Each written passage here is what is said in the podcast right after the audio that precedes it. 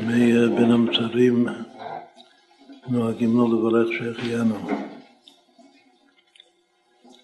לעת עתה.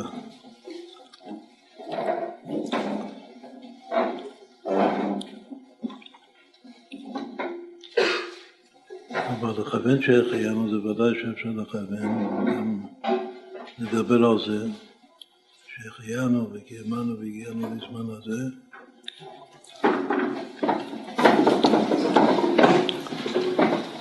שהחיינו זה הולך גם על התורה הקדושה, כי הם חיינו באורך ימינו.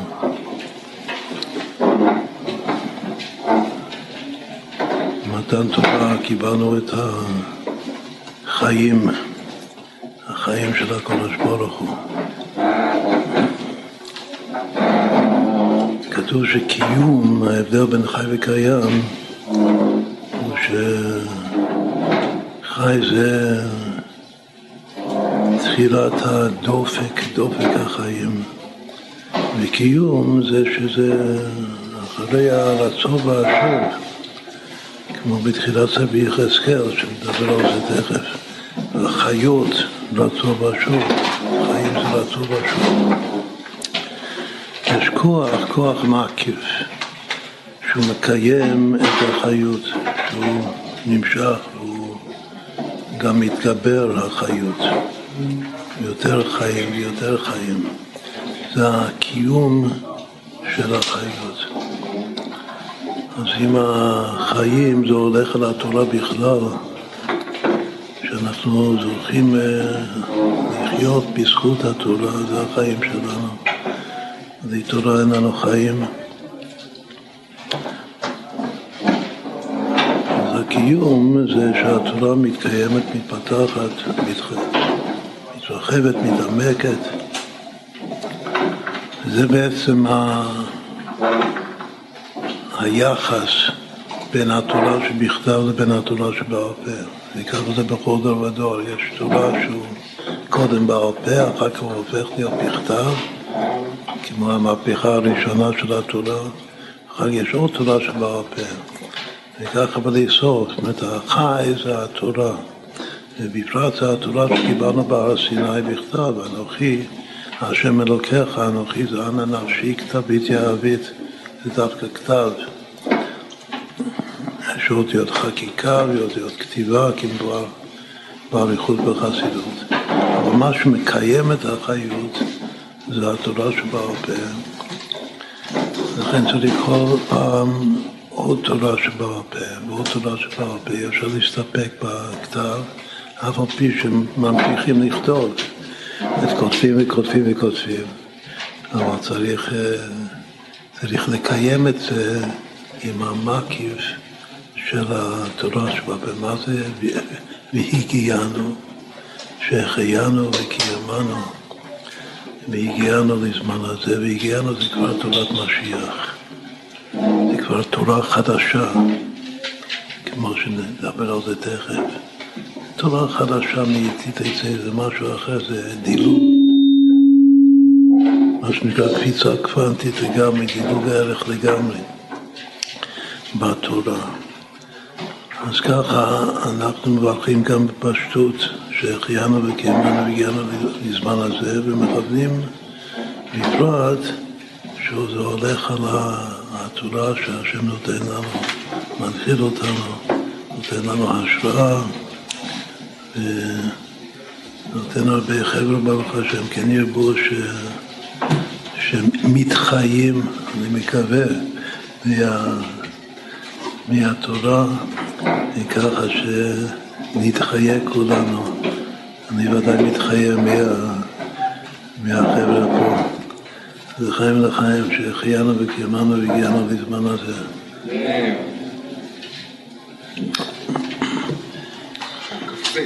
עכשיו כ"ב. כ"ב.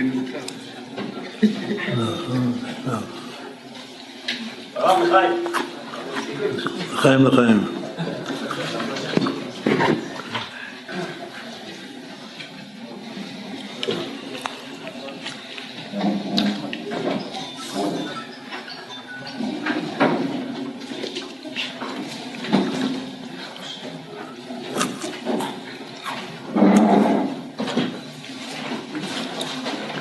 לפי זה שהחיינו זה משה רבנו וקיימנו זה רבי עקיבא, עמוד התווך של התורה שבעל פה, והגיענו זה להגיע לימות המשיח, תכף מיד מה זה משיח.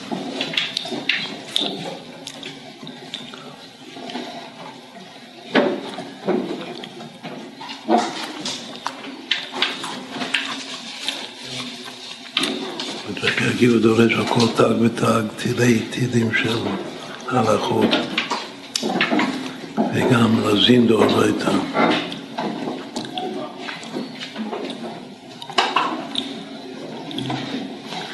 לחיים לחיים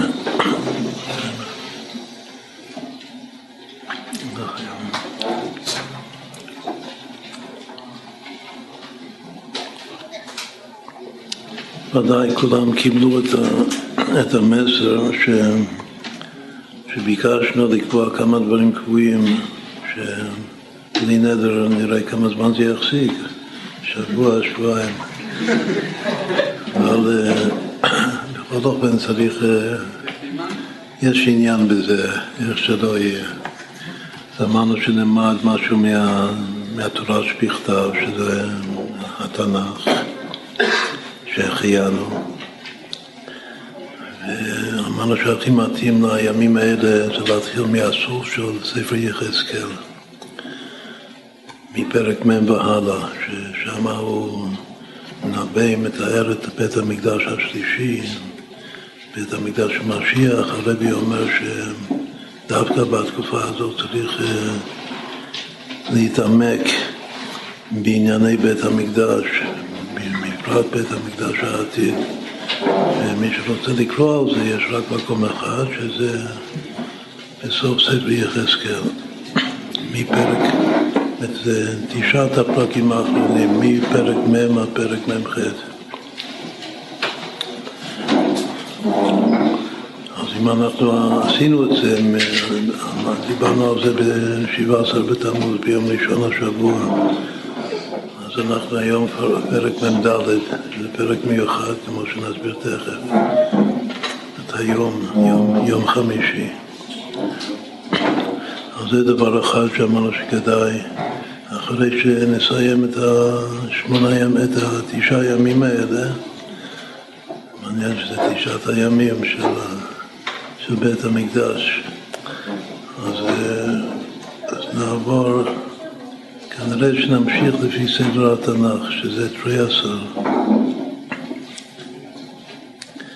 אם אין איזה רעיון חדש, אבל זה, זו התוכנית בינתיים. אמרנו שדבר שני, צריך ללמוד אה, תורה שבעל פה, תורה שבעל פה בקיימנו. זה משניות.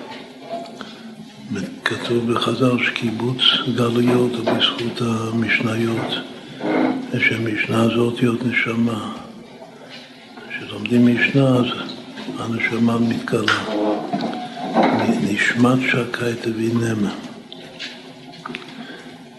המשנה זה תורת אמך, אל תיטוש תורת אמך.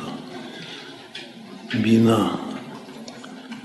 וצריך ללמוד אה, פנימיות התורה. התורה היא משולשת. יש תורה שבכתב, תורה שבעל פה ופנימיות התורה. אז אמרנו ש... כאילו לגבי משנה, אז אה, דיברנו שנעשה ללמוד מסכת שבת מההתחלה. פרק לשבוע. זה לא, לא הרבה, זה לא פרק אחד שחרי ופרק אחד ערבי. פרק אחד על השבוע. אה, יש הרבה זמן בשביל אה, לחפש פירושים אה, יפים. וצריך חסידות ללמוד.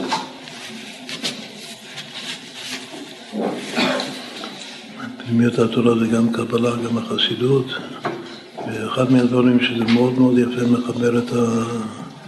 את הסגנון הקבלי ביחד עם החסידות, זה החידושים של אבא של הרבי, שהרבי בעצמו מבאר אותם על פי חסיד, כאילו על פי יותר הסגנון החסידי המקובל.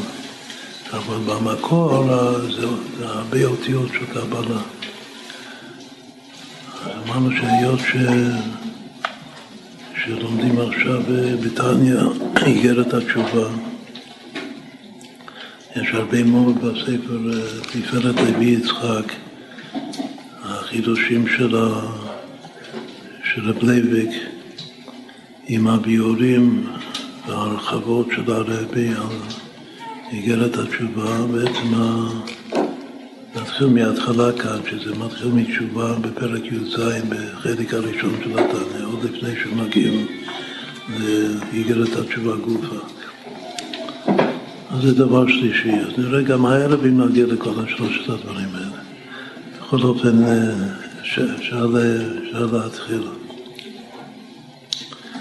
אז לחיים, לחיים.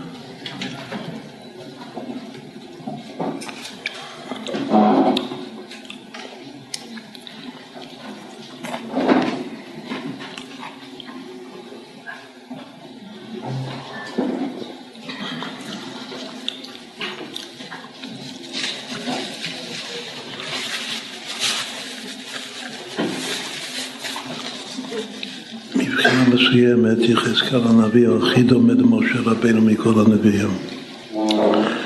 משה נתנבא בזה, זה הדבר אשר ציווה השם באספקלריה מהירה. הוא אומר דברים מדויקים. אין נבואה בתנ"ך שהיא מדויקת בהרחבה גדולה כמו תשעת הפרקים האלה בסוף יחזקאל, התיאור המדויק, המפורט של בית המקדש השלישי. וככה גם ההתחלה, את ההתחלה של סביבי יחזקאל זה מעשה מרכבה, והסוף זה בית המקדש בצורה הכי, שוב, הכי אה, מפורטת. ו... והוא בעצמו אומר שהמראה של בית המקרא הישן, אז ככה זה כל ספר יחזקאל לפי זה, שזה מתחיל מה... מסתירת, דווקא דיברנו הרבה פעמים שחוכמת הנסתר, שעיקר חוכמת הנסתר בתנ"ך זה מעשה מרכבה. חוכמת הנסתר זה גם מלשון סתירה, לסתור משהו. שבעל שם טוב אומר שכל מה ש... כל סברה שאומרים אפשר לסתור, ואני יודע איך לסתור, יש עניין בלסתור. שסותרים אז מגיעים לנקודת העין הפנימית של הקודם, וככה בורים חדש יש מאין. שהוא החדש הוא באין ארוך יותר טוב מהישן. אז ככה זה כל סביב יחזקאל, ממעשה מרכבה לבניין בית המקדש השלישי, שנזכה לראות אותו אנחנו כמו שהוא רואה אותו, איך הוא מתחיל בכלל. ישעיהו הנביא, שלפי חז"ל הוא במידה מסוימת יותר גבוה מיחזקאל, בעולם הבריאה, יחזקאל בעולם היצירה, אבל הוא, הוא רואה חזון, חזון ישעיהו, ככה זה שבת חזון. חזון זה אחוריי, מבשרי זה אלוקה, זה לא, לא מבט ישיר, לא אספקלריה מהירה. אבל יחזקאל רואה, נפתחו השמיים ואראה מראות אלוקים. יחזקאל זה נביא זה הדבר אשר ציווה השם. אף על פי שכל הנביאים ידברו בכה אמר השם, אבל יש, כמו שאמרנו כל, יש עוד ממש של מראה דווקא. אפילו המלפים, כולל הפירוש שלו, זה ביחזקאל, מראה יחזקאל. הוא רואה, רואה את המרכבה, בסוף רואה את בית המקדש. מתאר אותו בפרטי פרטיות.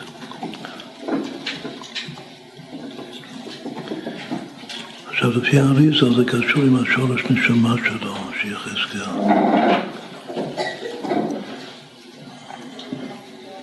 קודם כל יחזקאל זה לשון חוזק. חזק הנביא הזה. מכך הוא דומה לאחד מהמלאכים, הוא כהן, יחזקאל בן בוזי הכהן. אבל יש אה, מלך מאוד מאוד חשוב שגם נקרא על שם החוזק שלו, שזה חזקיהו המלך. עד כדי כך שחז"ל אומרים שחזקיהו לא יכול להיות משיח. רק שביסה שלו אמר שירה על הנס הגדול שהשם עשה.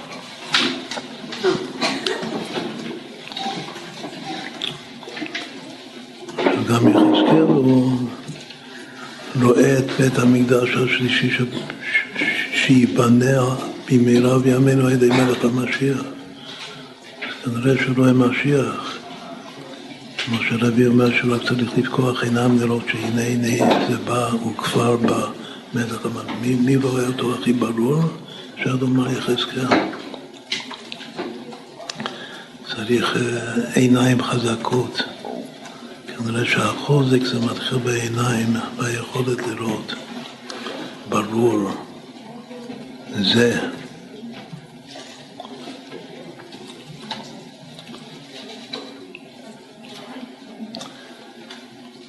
מי שנטע ידיים ויברך אה, עוד מעט אה, ברכת המזון באיזה שלב, אז אה, לפני שמתחילים ברכת המזון, אחרי מים האחרונים נוהגים, כתוב בסידור, שאומרים זה השולחן אשר לפני השם, איפה זה כתוב? זה, זה השולחן, הנה זה השולחן אשר לפני השם. זה פסוק בפרקים האלה של השולחן של בית המקדש השלישי, תיקנתי יחזקאל. לו שני זעים מאוד מאוד מרכזיים בפרקים האלה, זה השולחן אשר לפני השם, ולגבי קודש הקודשים, את הכי מקודש בבית המקדש כתוב, זה קודש הקודשים. אחרי שהוא אומר את המידות, שהוא עשרים אמה אורך ורוחב עשרים אמה, זה קודש הקודשים. קודש הקודשים מופיע בתורה, אבל לא בלי המילה זה.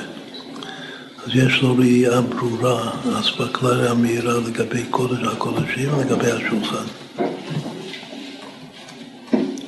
עוד זה בתוך, בתוך הפרקים האלה, זה המקום. אבל שני העיקריים זה זה קודש הקודשים, שתכף נדבר על הגמטרית של הביטוי הזה, זה קודש הקודשים. וזה השולחן, זה השולחן אשר לפני השם.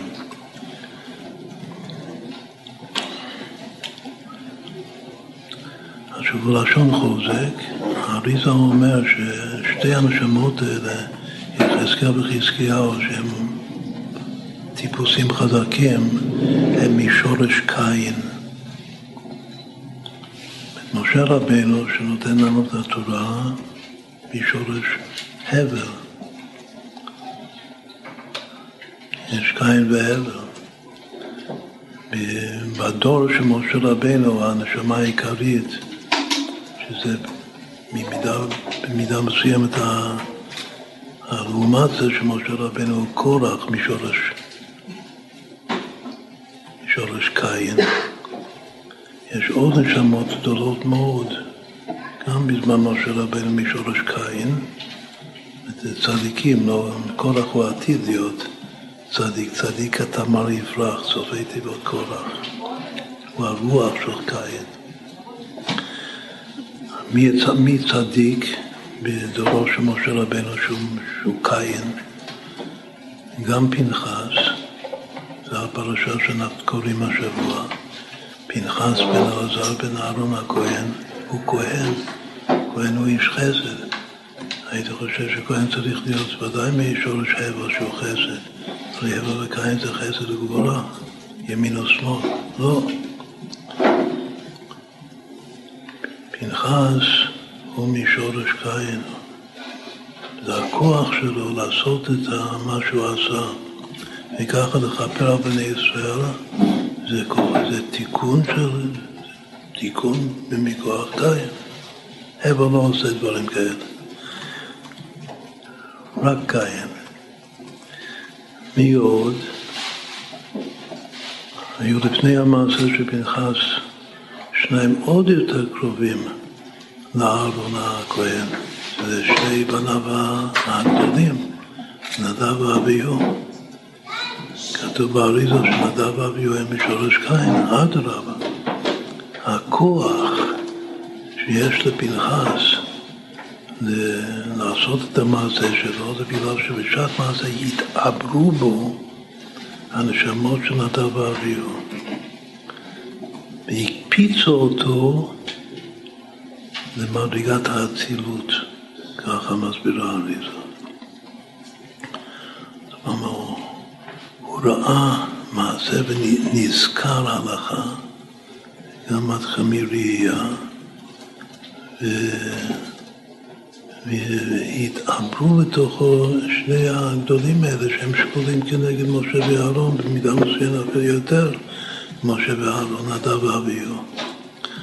רק שהיה להם רצו בלי שוב, והביאו אש זרה בלי שהשם ציווה, אשר לא ציווה אותם. התחברו ללא של משה רבנו, לא כן עבדי משה. הלא של משה רבנו ציווה אותם, והביא אותה את האש הזרה שלהם, שזה רצון בעצם, כמו שהאור החיים הקדוש כותב, זה נעימות, ערבות, ידידות, מתיקות. ראשי תיבות נעים, מה נעים. ככה הם מתו. אבל אחר כך חזרו וחוזרים בכל דור ודור. עיקר החזרה שלהם זה בתוך מדרש. אז כל אלה השמות הם אה, שורש קין. תכף נאמר עוד כמה נשמות מאוד מאוד חשובות שזה משורש קין לפי האריזה.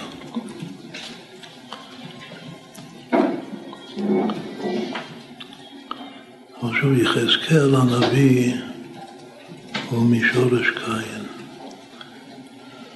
יכול להיות ייתכן מאוד שמישהו משורש קין, שזה גבורה, אז גם כן הוא מאוד מדייק, כמו בפרקים האלה, שאמר שאין כיוצא בזה בכל התנ"ך של דיוק בפרטים. גם משה רבנו מדייק, הוא שורש הבל.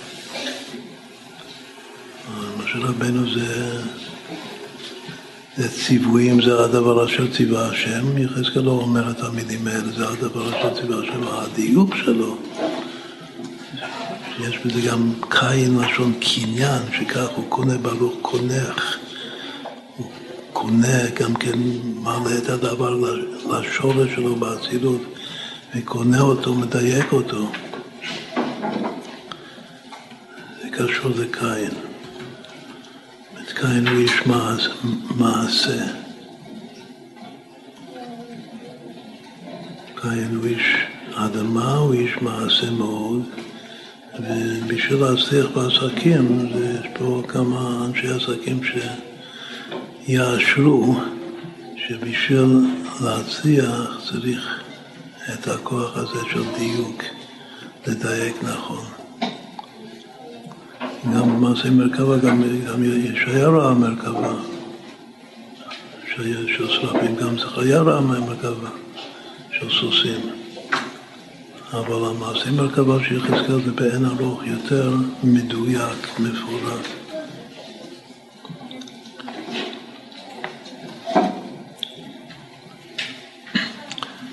עכשיו עוד משהו, הדבר הראשון האריזה מדגיש ש... שיחזקאל הוא משורש קין. כל הצדיקים הגדולים של משורש קין הם משיחיים. הם גם משיחיים וגם יש בהם קנאות, כמו פנחס, פנחס אליהו. קנאים דודים, קנים את קינת השם סוכות, עושים מעשים נועזים ביותר, מה שנקרא הוראת שעה, וכאשר מכוונים לשם שמיים באמת בהוראת שעה שלהם, אז בסוף, כמו שיש לנו כמה וכמה מאמרים, המעשים שלהם נקבעים הלכה למעשה לדורות. משהו עתיד, קין, מה שאנחנו רוצים לומר, שהנשמות הגדולות האלה משורש קין הן נשמות של העתיד. תכף שנפתח פרק א' במשנה של שבת, אז נראה שם הרבה מחלוקות בין בית שמאי לבין בית הלל.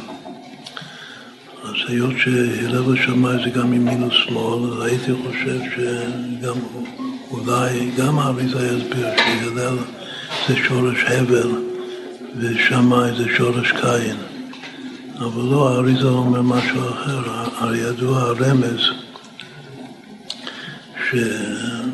שמשה זה או ראשי תיבות מחלוקת שמאי הלל או משה שמאי הלל. אבל ה' של משה, בשני הרמזים הידועים, זה שמאי הלל, כלומר שהוא כולל את שניהם. היות שמשה רבנו הוא כולו שורש הבל, אז צריך לומר שגם שמאי, אדרבה, שמאי קודם, כמו שבמשנה תמיד מקדימים את שמאי לפני הלל. גם ברמז של משה רבינו, השם של שמאי זה קודם לה' של הלל. מה אומר האריזו? שאכן הם חסד וגבורה, אבל הם החסד והגבורה שניהם של הבל. כלומר שהלל ובית הלל אלו החסדים גם בתוך הבל שהוא בכללות הוא ימין, אבל בתוך הימין שלו, כמו היום גם כן, ב... אולי פוליטי גם כן, יש ימין שהוא ימין ימין, יש ימין שהוא שמאל ימין. זה ככה בדיוק האריזה מסביר לגבי הלל ושמיים. כלומר ששמאי הוא שמאל ימין, ואיך זה בא לידי ביטוי? זה בא לידי ביטוי גם באחרונות שלו של מחמיר, שהוא אוסר, הלאה לא אוסרים. וגם, כמו שנסביר תכף, שמאי ובית שמאי הם קנאים גדולים. לפני החורבן של בית שני היה המרד הגדול. יש סוברים ויש הרבה אסמכתות בחז"ל לכך שמי שיזם וניהל את המרד הזה זה בית שמאי. אחר כך, אחרי החורבן, כמה בהמשך, רבי עקיבא הוא היוזם, הוא התומך הגדול בר כוזיבא. אז גם כתוב שזה איזה שורש של שמאי שיש ברבי עקיבא. בכללות הוא כמובן פוסק ומקיים את הכלל שבית שמאי במקום בית הלל אינם משנה, אבל יש כמה וכמה דברים כמו שנסביר תכף, נראה דבר אחד מאוד חשוב בפרק א' בשבת, ש... שרבי עקיבא הוא נוטה לבית שמאי. זאת אומרת, הרבי שלו זה רבי אליעזר הגדול ששמותי, הוא בפירוש בית שמאי. וגם רבי עקיבא יש לו נטייה פנימית לבית שמאי. רבי שמואל, שזה הבר פלוגתא שלו, הוא כולו בית הלל. אבל רבי עקיבא, יש לו את השמאות שבתוכו, שזה, שזה סממן אחד זה הקינה של פנחס.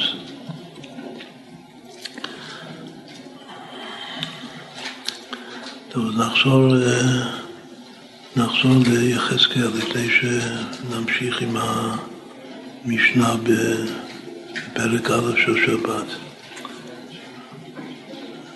יש עוד דבר מאוד מאוד אה, מיוחד בנביא יחזקאל, שאין בשום נביא שום שום צדיק אחר בתנ"ך, שהשם, הקדוש ברוך הוא, שמדבר אותו, מכנה אותו בן אדם.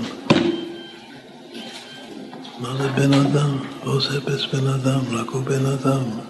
אני לא בן אדם, אתה לא בן אדם. מה זה בן אדם? זה משהו מאוד מאוד מאוד אה, מיוחד, הבן אדם שלו. אז אריזה אומר שבן אדם זה בן אדם הראשון, אבל גם כולנו בני אדם הראשון, מה, איזה בן אדם הראשון הוא? למה יחזקאל הוא בן אדם הראשון יותר מכולם?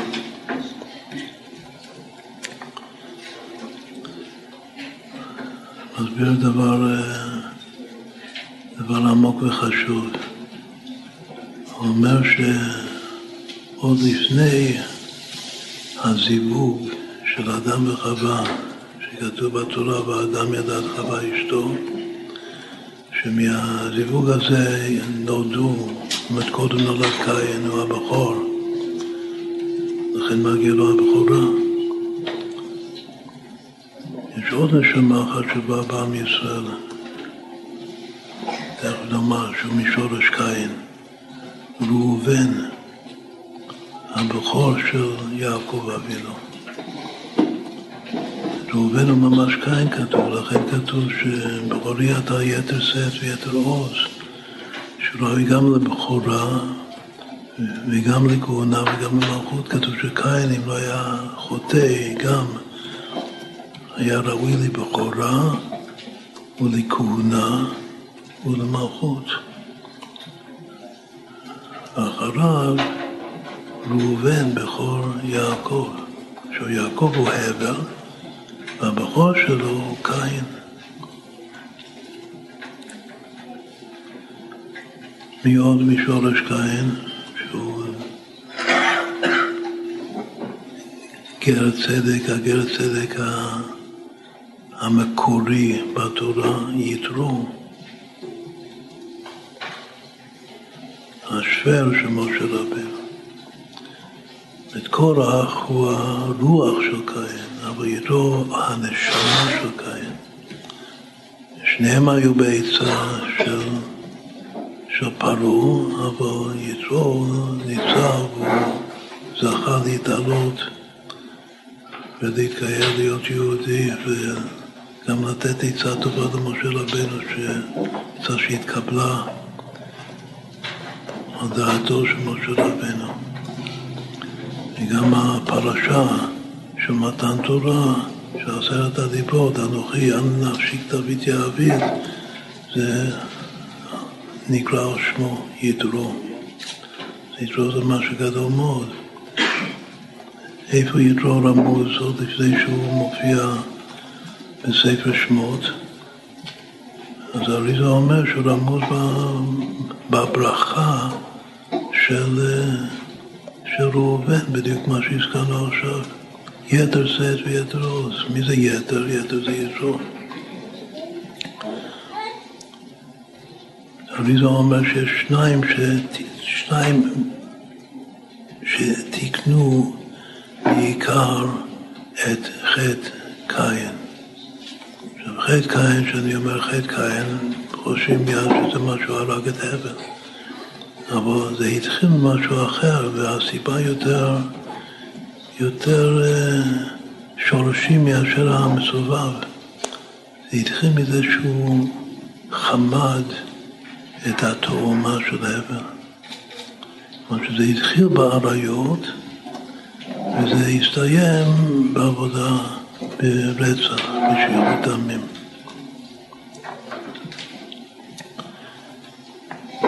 ראובן תיקן את הפגם של השפיכות דמים. איך? שהוא הציל את יוסף. האחים רצו להרוג את יוסף והוא הציל אותו. הוא רצה להציל אותו לגמרי, להחזיר אותו לאוויר, ולא י... לא יסתיים מלטה. אבל זה שהוא הציל את יוסף, ראו בן, ראו מה שבין בני לבין חמתי, מה שרש"י מביא בחומש, וזה הוא תיקן את החריגה של הבל. אבל הוא לא תיקן את הגילוי הרי, את, ה, את החימוד של, של התאומה,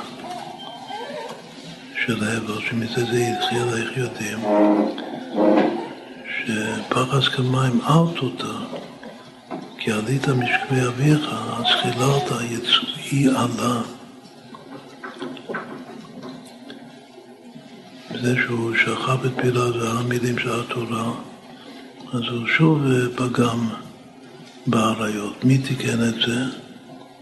יתרו, וגם כן שיתרו שהוא קין, אז בהשגחה השם סובב את זה ככה שתיוולד לו בת שהיא בעצם התאומה היתרה של, של הבל, שקין חמד, ועכשיו נותנים אותה כביתו של יתרו וקוראים לה ציפורה. והבל הרי זה משה רבנו. אז, אז ברגע שהוא נותן את ציפורה ביתו למשה רבנו, הוא מתקן את, ה, את הפגם והחטא של, של קין.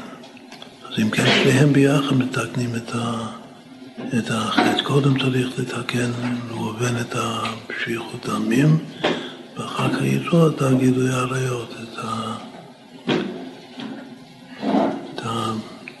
הסיפור של התאומה היתרה. גם המילה יתרה, תאומה יתרה זה גם מלשון יתר ויתרו. עכשיו כל זה הקדמה בעצם להסביר מה זה הבן אדם שיחזקאל. למה קוראים לו בן אדם? פגם הברית זה, קוראים לזה קרי, זה המילה.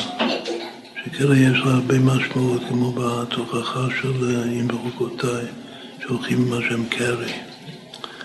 מה זה קרי? קרי זה קין ובן יתרו. קודם יש קין, יש פגם הברית, תכף נראה מה זה פגם הברית אצל קין, והתיקון, שוב יש שם כמה שפיכות דמים, והתיקון זה קודם ראובן ואחר כך יתרו, אז בכלל התיקון של קרי זה תיקון קין. נעשה גרמטיה ראשונה הערב, כמה שבקין ראובן יתרו. שלא נלך עם השם קרי. תראו שזה בשווה משה, משה, משה. את הערך הממוצע של שלושת השמות האלה זה משה. שלוש פעמים משה זה חמש פעמים אור שיום אחד של מעשה בראשית. זה אלף שלושים וחמש, זה המשולש של מה? של אדם. עכשיו שוב, איך זה מסביר את הבן אדם שיחזקאל? אריזה אומר שלפני, נחזור למה שדיברנו הרגע, לפני הזיווג של באדם ידע את חווה אשתו, ועוד לפני שנולד קין והבל, יצא טיפת קרי מאדם הראשון. והטיפה הזאת זה דחורה בלי נוקבה. זה זכר בלי נקבה, זה לא נקלט. טיפה שלא נקלטת, בלשון המדרש, עומדת תלוי ברפיון, באוויר היקום בין שמיים וארץ, שעל זה נאמר במבול, וימח את כל היקום. תכף נסביר את זה. ו... ומהטיפה הזאת, שזה יותר מעולה משניהם גם יחד. יותר הטיפה מצד האיכות, הנשמה, השורש בתוך הטיפה הזאת יותר איכותית מכל מה שיוולד אחר כך. אצל יעקב כתוב שראובן הוא בחורי אתה הוא הטיפה הראשונה שלו, הוא לא ראה כרם מימיו. אבל איזה האדם הראשון למד אותה, אז יצאה טיפה, והטיפה הזאת זה יחזקאל הנביא, אף לא ופלא. ככה כותב האריזה, וכותב באריכות, מסביר את זה, כאילו מתאר את זה באריכות. עכשיו הוא אומר שכל הטיפות שיוצאות לפני הזיווג, וגם מה שיוצא אחרי, בהמשך המאה שלושים שנה של האדם הראשון שפרש מאשתו וגם לה, כי הרי זה לא היה בסדר. כל הדבר הזה זה, זה טיפות של קין. אז כמו שאמרנו, שכל התיקון, עיקר תיקון הברית זה תיקון של קין. וזה מתחיל מאותו בן של האדם הראשון, שהוא בן רק של אדם בלי חווה. וזה יחזקאל הנביא, הוא, מח... הוא מתקן את זה. זה משהו עצום. הוא התיקון של הדבר הזה, הוא תיקן את זה לגמרי בשלמות, הטיפה המקורית של האדם הראשון, שלכן קוראים לו בן אדם. אתה דווקא, לא מישהו אחר, לא אנחנו כאן, אתה בן אדם. אז מי כמו יחזקאל? ולפי זה לומדים בפשטות שגם בשביל לזכות לראות את המרכבה, לקבל את הרזין דרזין דמעשי מרכבה, בעיקר הרב של התורה, וגם לראות במוחש ממש, בפרטי פרטיות במוחש, לראות את בית המקדש השלישי, לפקוח עיניים, לראות משיח, הנה, הנה זה בא, זה, זה הוא, יחזקאל הנביא. אמרנו שהוא שייך למילה זה, גם כן בחשבון, בחוכמת החשבון יחזקאל, הוא היהלום, צורת היהלום של המילה זה. כלומר, כל המספרים יחד עד זה, מזה עד אחד, וזה פעמים אחד, יחזקאל. אז הוא ממש, זה, זה הדבר אשר ציווה השם, מצד קין, לא מצד הבל. עכשיו זה פותח לנו אשנב לגבי לראות את בית המקדש, שיודעים מי זה הנביא הזה. שהוא מנבא לנו את בית המקדש השלישי. עכשיו אמרנו הרגע שליחזקאל קורא, שם האבא שלו זה בוזי, יחזקאל בן בוזי, הכהן, הוא כהן. איזה מין שם זה בוזי? מה זה יפה לתת למישהו שם כזה בוזי, מה זה בוזי? האותיות האלה בוזי, ב' ו' ז' י', יש עוד פעם אחת בכל התנ"ך שיש את הצירוף הזה, ב' ו' ז' י'. לכם הכהנים בוזי שמי. בנביא האחרון של האטריאסה, ספר מלאכי. יש בוזי, שוב, תחפשו ב' ו' ז' י', תמצאו שזה פעמיים בתנ"ך, פעם אחת זה יחזקאל בן בוזי הכהן, פעם שנייה זה לכם, לכם הכהנים, הוא כהן, לכם הכהנים בוזי שמי. מה זה אומר דורשני, זה לא פשוט. שהוא כנראה שבא גם לתקן את, ה, את הבוזי שמי של הכוהנים. עד כדי כך שזה השם הפרטי של, של אבא שלו. כמה שווה בוזי? 25. כה. אמרנו ששייך לזה, הוא היה לו, יחזקאל זה היה לו של זה, אבל האבא שלו זה כה, שזה כל הנביאים נתנבאו בכה אמר השם. המילים 25 או 25 או 5 ו-20 או 5 ו-20, זאת המספר הזה 25 במילים,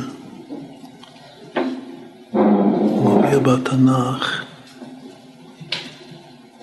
43 פעמים. יש את המספר 25 כתוב במילים. מתוכם 26 מ-43, כלומר רוב ניכר, רובה דרובה של, ה... של המספר הזה במילים, שזה עוזי, זה בספר, בספר יחזקאל, ומתוך ה-26 פעמים 24, שזה עוד יותר רובה דרובה, זה בתיאור של בית המקדש השלישי. אז הוא מאוד קשור, גם איך יודעים שהוא, שהוא קשור, שהנבואה הזאת במיוחדת קשורה למספר 25, בגלל שכך זה מתחיל.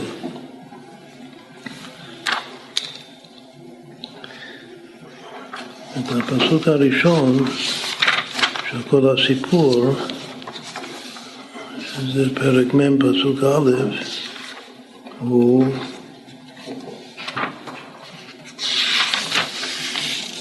בעשרים, שתי המילים הראשונות של בית המקדש השלישי, זה מתחיל ב-25.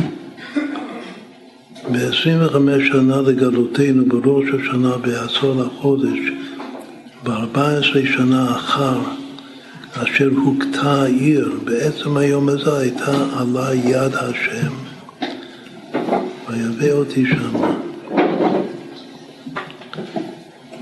במראות אלוקים, עוד פעם, המרכבה מתחיל נפתחו השמיים בערב מראות אלוקים, וכאן כתוב עוד פעם, במראות אלוקים הביאני על ארץ ישראל, ויניחני על הר גבוה מאוד, כאן בית המקדש נמצא על הר גבוה מאוד, ועליו כמבנה עיר מנגב וכו', ככה זה מתחיל התיאור שלו. ושתי המילים הראשונות זה ב-25.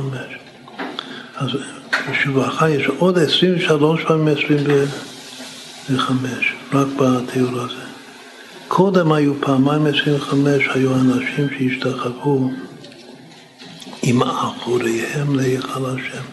זאת אומרת, יהודים רשעים שבזו לבית המקדש, היו 25 אנשים כזה פעמיים, והשתחוו עם האחור שלהם להיכל, הפנים לשמש שלהם שהשתחוו.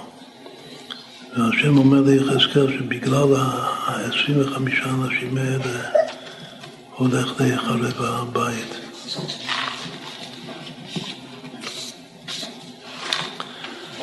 טוב.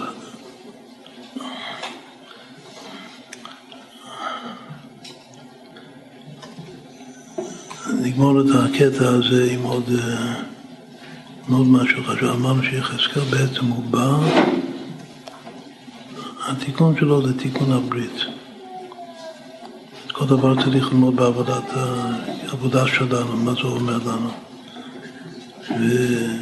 ויחזקאל זה להתחזק בתיקון של קין, הוא תיקן, נראה בהמשך ש... שהוא בעצמו, בחיים האישיים שלו, בספר, הוא מתאר הרבה דברים אישיים שקרו לו, דברים טובים, דברים לא טובים. אשתו מתה במגפה, משהו מאוד לא טוב. למה? בגלל שאשתו הייתה תאומה יתרה, ועדיין נשאר איזה רושם מהסיפור המקורי עם התאומה היתרה של ההבל שבגלגול שלו כקין, והוא מטיפה עוד לפני קין, שאולי שזה משורש קין. אז הוא, זו הייתה אשתו בשביל הראש, וזה קרה לו משהו לא טוב. ויש עוד הרבה סיפורים שמספר על עצמו.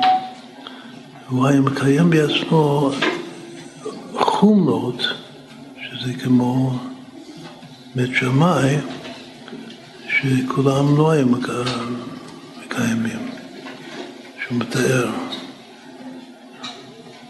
איך שהיה מקפיד על דברים. ושמה, כאן, נוגע לפרק מ"ד, אבל זה קשור למה שהיה כתוב קודם בספר. הגר"א כותב בפירוש שלו על היחזקאל ש... שהוא בעצמו בחיים האישיים כבר קיים הלכות שיתחדשו בימות המשיח.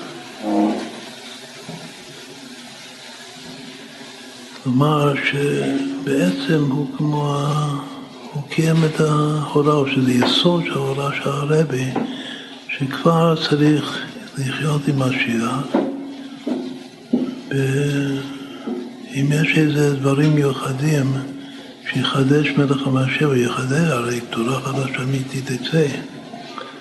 יהיו דברים חדשים, גם בעולם ההלכה, גם בתורה. יגיע, נגיע לחידושי תורה גדולים. מי שכבר קיים אותם בחיים שלו, בגלגול העכשווי שלו, זה יחזקאל הנביא, ככה, ככה הוא כותב הגר"א.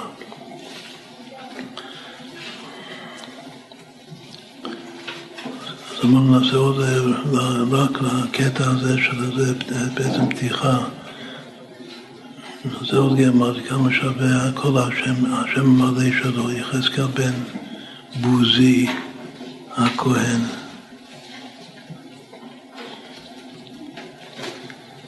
שזה בגלל שאנחנו רוצים להסביר שתכליס הוא, הוא מישור, הוא קין, אבל הוא בא לתקן את הברית.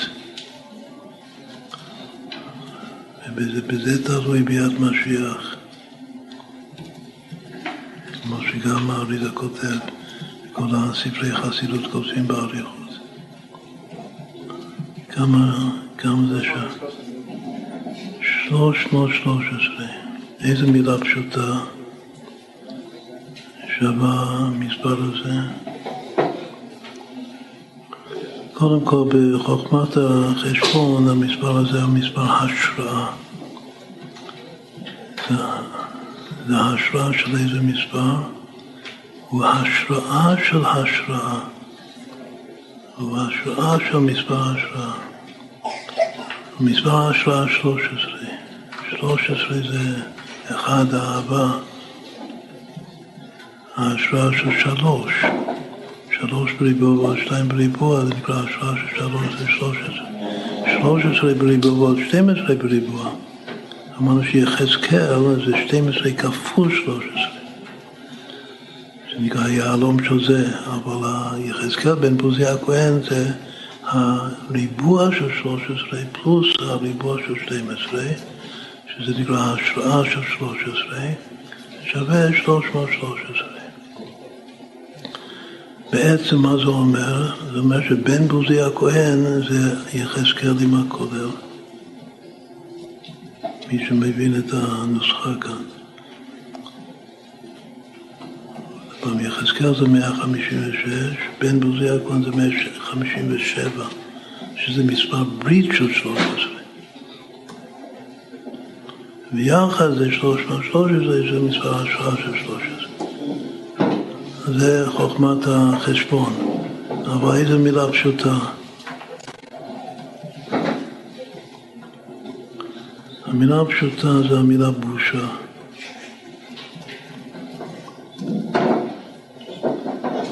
לא זה מה הקשר? אתה אמר שיחזקאל זה תיקון הברית, והוא חזק, ולהיות חזק זה נועז, מצד אחד הוא נועז, הוא דייקן, הוא רואה ברור כל פרט, מתאר כל פרט ופרט, אבל הוא שווה, השם המלא שלו שווה בושה בגרמטיה. בושה, יש בושה רעה ובושה טובה. כמו שכתוב בסתר קוטן, מהרבי אלימלך. צריך לדעת להבחין ביניהם, בין הבושה הטובה לבין הבושה הרעה. אבל הבושה טובה זה משהו אה, גדול, מהמידות הכי הכי אה, נעלות וחשובות. אנחנו ביישנים, זה לא רק מידה טובה, זה סימן של יהודי. אם אתה לא ביישן, אתה כנראה לא יהודי. רחמן, רחמנים וביישנים כל מיני חסדים. שם שאומרים רחמנים וביישנים כל מיני חסדים זה כנגד חגת, כנגד האבות המפריע. רחמנים זה מצד יעקב, ביישנים זה מצד יצחק. יצחק מצחק את רבקה אשתו, איך? עם בושה, בקדושה. כמו שיצחק זה פחד יצחק, שהפחד צוחק. אז ככה הוא צוחק מתוך זה שהוא מתבייש. והביישנים זה משורש יצחק, והגומלי חסדים זה כמובן משורש אברהם אבינו. זה הסימן המובהקים של עם ישראל. עכשיו יצחק הוא פחד יצחק, הוא מידת היראה הגבורה זה שמאל, אמרנו שיחזקאל זה שמאל, זה קין.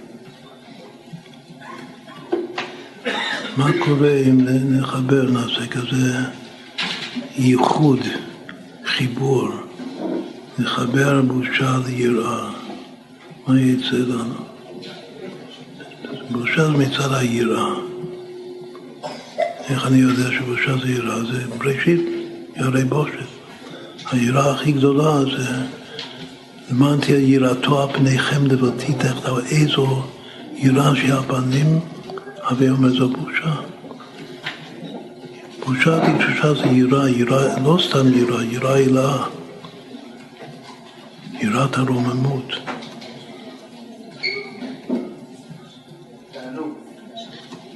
פלאי פלואים. יראה פלוס בושה זה תענוג. מה יפית ומה נעם תאווה בתענוגים?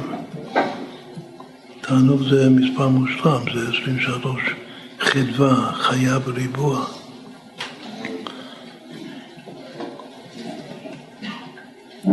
מה זאת אומרת?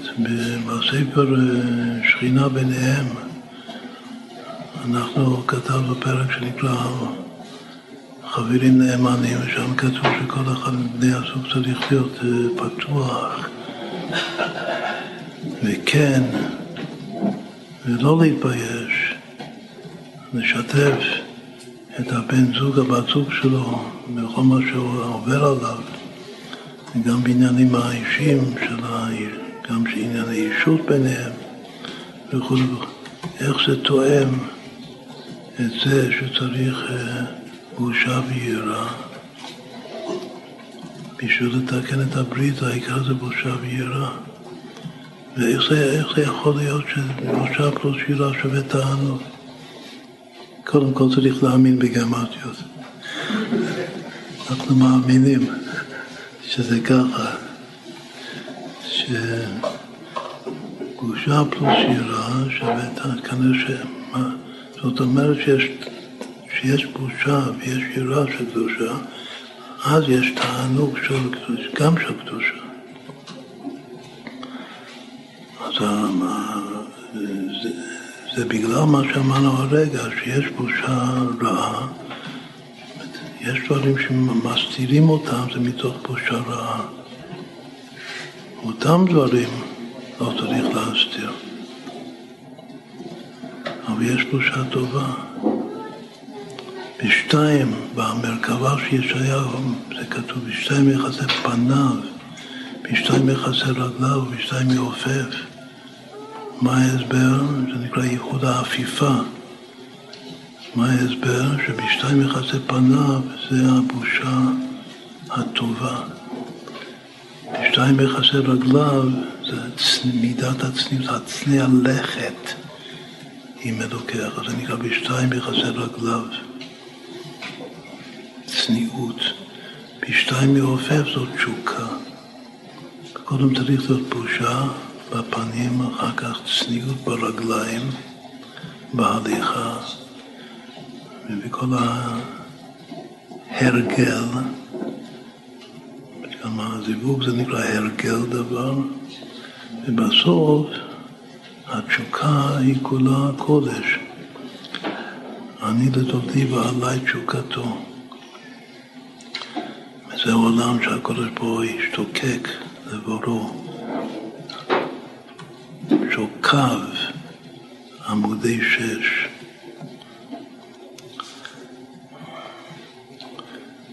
בזוג, בזוג של החתן והכלה, איש והאישה, אז על האיש, הגבר, להיות ירא בעיקר, שניהם צריכים, כל אחד, כל אחד מבני הזוג צריך את שניהם, גם את היראה וגם את הבושה. בכל אופן, עיקר היראה זה צריך להיות הגבר שלא יפקום, עיקר הבושה זה מצד הכלה. וביחד זה שווה, זה התענוג של הקדושה. ואם אין את זה, אז התענוג הזה הוא, הוא תאווה נפולה ופסולה.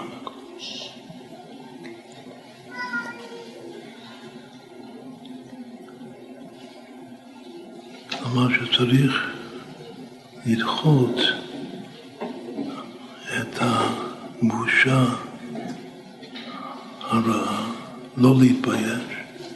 תוך כדי שאני מאמץ את הבושה הטובה, זה התיקון, כאילו הגמטיה הזאת אומרת שזה התיקון שיחזקאל הנביא, זה גם קשור לאדם הראשון, מה כתוב על האדם הראשון? והיו שני העלומים ולא יתפוששו, והנחש היה העלום. על איזה רקע בא הנחש? לפתות את חווה, הרקע שלא יתפוששו. זה טוב שלא יתפוששו, או שזה לא טוב שלא יתפוששו? יש ויש, אבל הסמיכות אומרת ברור ש"ולא יתפוששו בהנחה שהיה". חוסר בושה זה מה שמביא את הנחש. ומי שמתקן את זה זה בן אדם. והבן אדם הזה זה יחזקאל הנביא, ובזכות זה הוא גם רואה את המרכבה וגם רואה את בית המקדש השלישי, סותר על מנת לבנות יותר טוב. מגלה את העין נקודת העין, בורא מתוך זה יש חדש. ועד שנגיע בקרוב ממש לתורה חדשה מאיתי תצא. אז נאמר לחיים ולחיים.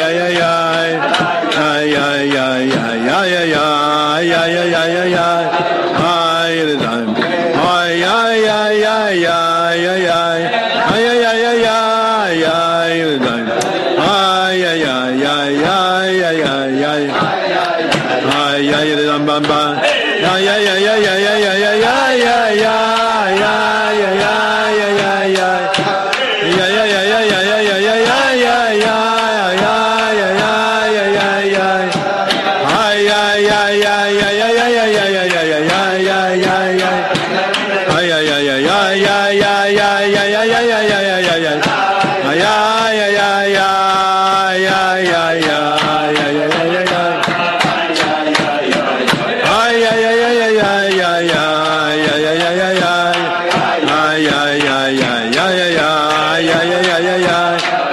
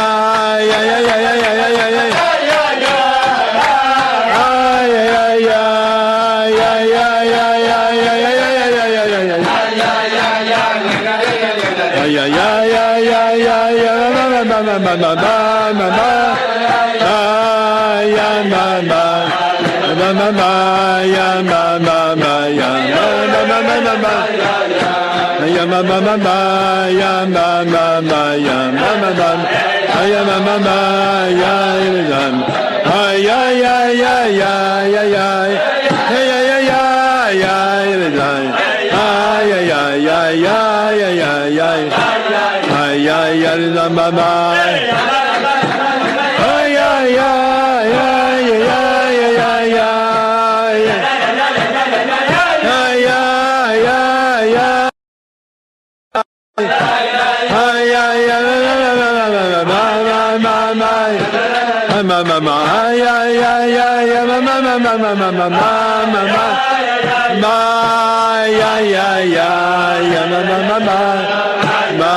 Maya, ma ma ma ma ma ya ma ma ma ma ma ma ma ya ma ma ma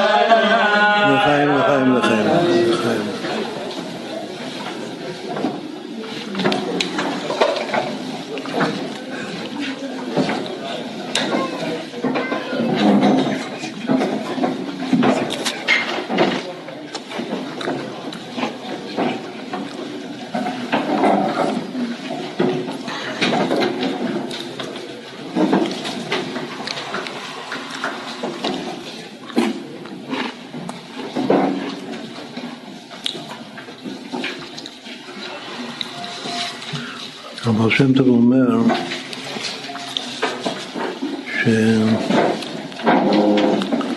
שכאשר לומדים תורה לשמה כדבעי, אז אה, רואים הכי הרבה השגחה פרטית בשיעורים הקבועים של התורה שלומדים. בזכות הציבור לומדים ביחד, זה ודאי תורה בשמה. כל אחד ואחד בפני עצמו לא יכול להעיד על עצמו שלומד תורה בשמה, אבל כולנו ביחד, אם לומדים משהו קבוע, ודאי תורה לשמה. והנה יצא לנו השגחה, השגחה מאוד מאוד מפליאה. פותח את ה... הפרק הראשון של מסכת שבת במשניות, אז אני רואה כאן במשנה ד' שכתוב ואלו מן ההלכות שאמרו בעליית חנניה בן חזקיה בן גוריון כשעלו לבקרו נמנו ורבו בית שמאי על בית הלל ושמונה עשר דברים גזרו בו ביום. מה הסיפור? הסיפור שחנניה בן חזקיה בן גוריון, שהאריזו כותב גם כן שהוא משורש קין והוא מתלמידי שמאי כתוב בתקופה של הלל ושמאי. הוא משמאי.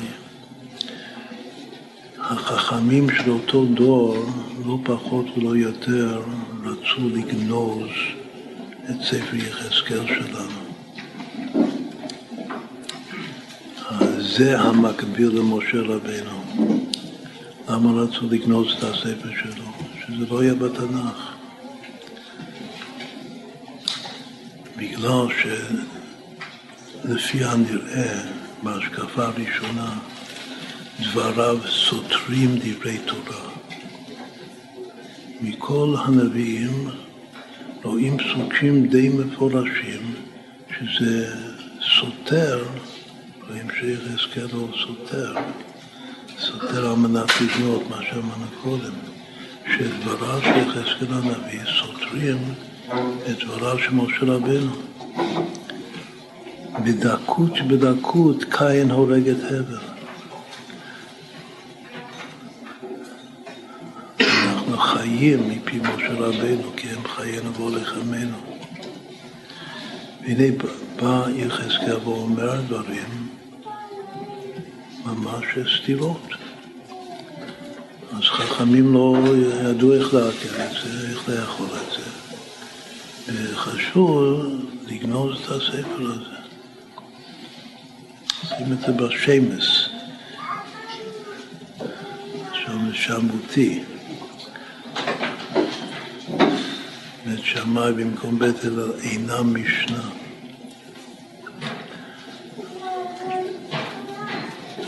אז דווקא התלמיד של שמאי, הזקן, שקוראים לו חנניה בן חזקיה בן גוריון, הוא הציל את המצב, מסר את נפשו להציל את המצב. הוא עלה לעלייה שלו, הייתה לו עלייה, עלייה זה שמיים. הוא עלה לעלייה שלו, הוא לקח איתו שלוש מאות חביות של שמן. ממזונו. פלא כנראה שהוא רק אכל שמן. שלוש מאות חביות של שמן, שמן זית צח, רזין דאורייתא. ושם הוא התבודד, לא כתוב בדיוק כמה זמן, אבל משמע שהרבה זמן בגלל שהוא היה צריך בשביל זה לקחת שלוש מאות חביות של שמן. ועד שהוא התעמק הוא פירש את כל הסתירות שיש ביחזקאל, שהוא סותר את משה רבנו. וכך הוא הציל את ספר יחזקאל. איפה נמצאים הסתירות האלה? הכל זה בפרקים שלנו, הפרקים של בית המקדש השלישי. והעיקר זה גם בהשגחה הפרטית מופלאה, העיקר זה הפרק שלומדים היום, מי שהתחיל ב-17 בתמוז. זה פרק מ"ד, והדוגמה העיקרית זה הפסוק האחרון שחותם את הפרק. הכל הולך אחר החיתון. וגם באמצע הפרק יש עוד כמה מהסתירות הבולטות שיחזקאל סותר משה רבינו, לכאורה. עכשיו, היות שבזמן של חנניה בן חזקיה, בן גוריון, היה אסור לכתוב את התורה שבעל לכן רוב מה שהוא השקיע, התמסר לתרץ את כל הקושיות, לרוב לא מופיע, לא כתוב את זה, רק יש כמה דוגמאות, במיוחד הדוגמה של הפסוק האחרון בפרק מ"ד, שחז"ל מסבירים איך הוא הצליח, הזכיר, לתרץ, ליישב את הסתירה.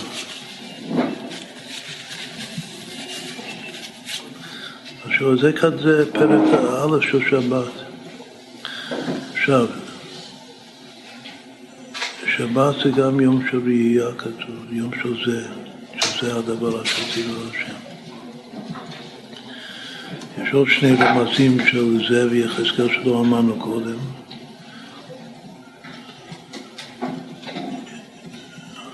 של תיקון הברית. קודם כל לגבי זה, אם סופרים את הספרים של התנ"ך לפי הסדר המקובל, אז יוצא שספר יחזקאל הוא ספר הזה בתנ"ך. יש חמישה חומשי תורת משה, ואחר כך יש ארבעה נביאים ראשונים, שהם יהושע, שופטים, שמואל, מלאכים. ואחר כך יש את שלושת הנביאים הגדולים של הנביאים האחרונים, שהם ישעיהו, ירמיהו ויחזקאל לפי הסדר הזה, ככה מקובל. יוצא שיחזקאל הוא הספר השביעי, כל השביעי חברים של הנח, והיות שקודם יש שני ספרים של התורה, אז זה בדיוק עושה את המילה זה למפרע. הספר הזה של התנ"ך, אז הנה רצו חכמים לגנוז את הזה. בגלל שהזה שלו סותר את הזה של משה רבינו.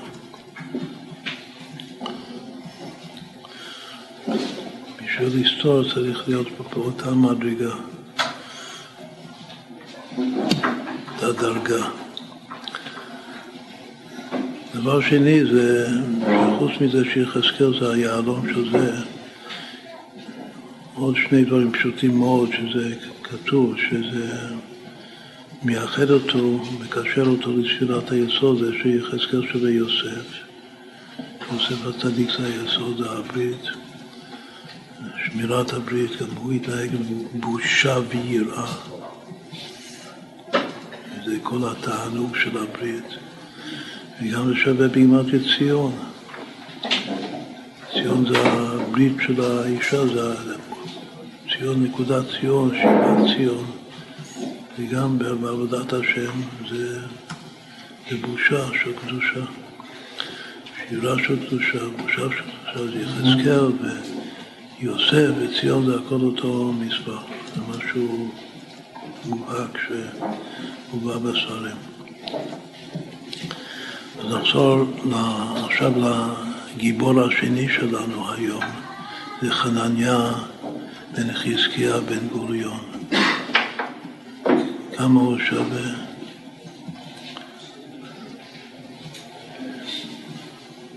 כאן במשנה שאני קורא זה מנוקד, אז קצת התפלאתי, אבל הניקוד של גוריון זה עם, עם שוק, זה ג' ר' ו' נ'. זה חשוב בשביל לעשות את הגימטריה. חנניה בן חזקיה בן גוריון מתלמידי שמאי הזקן. מי שמציל את ספר יחזקאל, שניהם משורש קין. עוד פעם, שמאי הוא הגבורות של הבל, אבל חנניה, התלמיד הזה, הוא קין, הוא לא הגבולות של הבל, הוא ממש קין.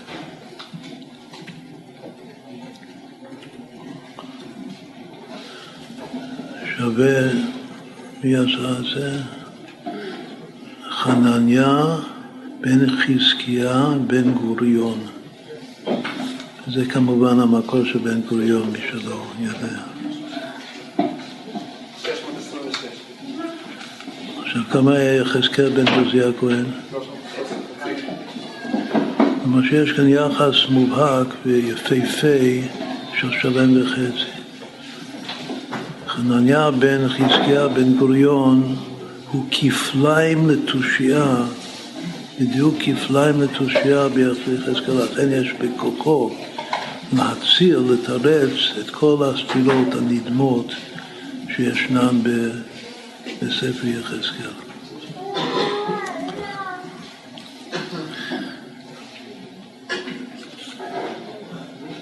הגמרא בשבת בפרק ראשון אומר עוד משהו, שהוא זה שכתב עוד משהו גדול מאוד אצל חנניה בן חזקיה בן גוריון.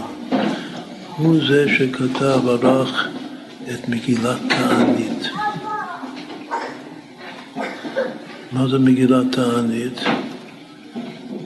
מגילת תענית זה הרשימה של כל הימים טובים, של ניסים ונפלאות, במיוחד ניסים של מלחמות. שהשם הציל אותנו ממלחמות, ניסים שקרו לנו לעם ישראל, שעשו, שעשו איתנו, קוראים לזה תענית, זה הימים שלא צמים, לא צמים בהם. הימים שכבר התאבד, זה משהו משיחי המגילה הזאת. הימים שהם כמו לעתיד לבוא, שהימים האלה שלושת השבועות בין המצרים יהפכו לששון ושמחי, וימים של ששון ושמחה ומועדים טובים, והאמת והשלום אהבו.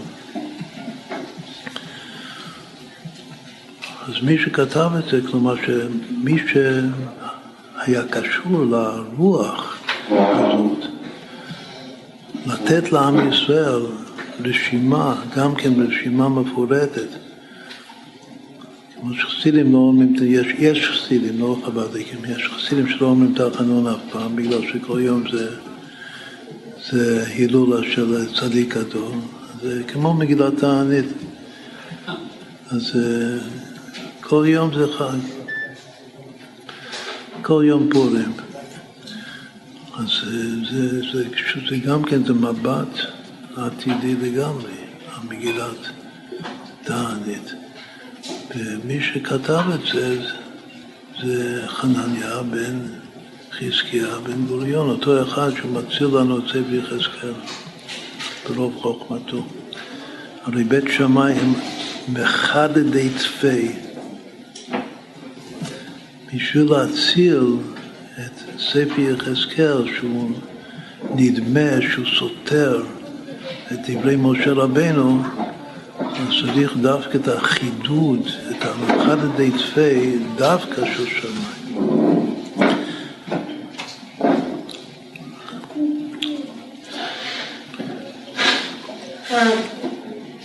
מה זה השמונה עשר דברים שרבו?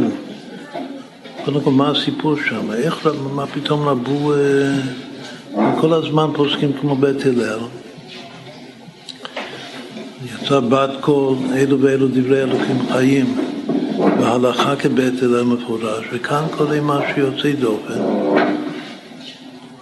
כל כך יוצא דופן שחז"ל אומרים שנגד ההלכה הקבועה, אפילו אם יקום בית דין יותר גדול בחוכמה ובבניין יותר גדול מהבית דין הזה, לא יוכלו לוותר לשנות את השמונה עשר דברים, אחי דברים האלה שגזרו בו ביום.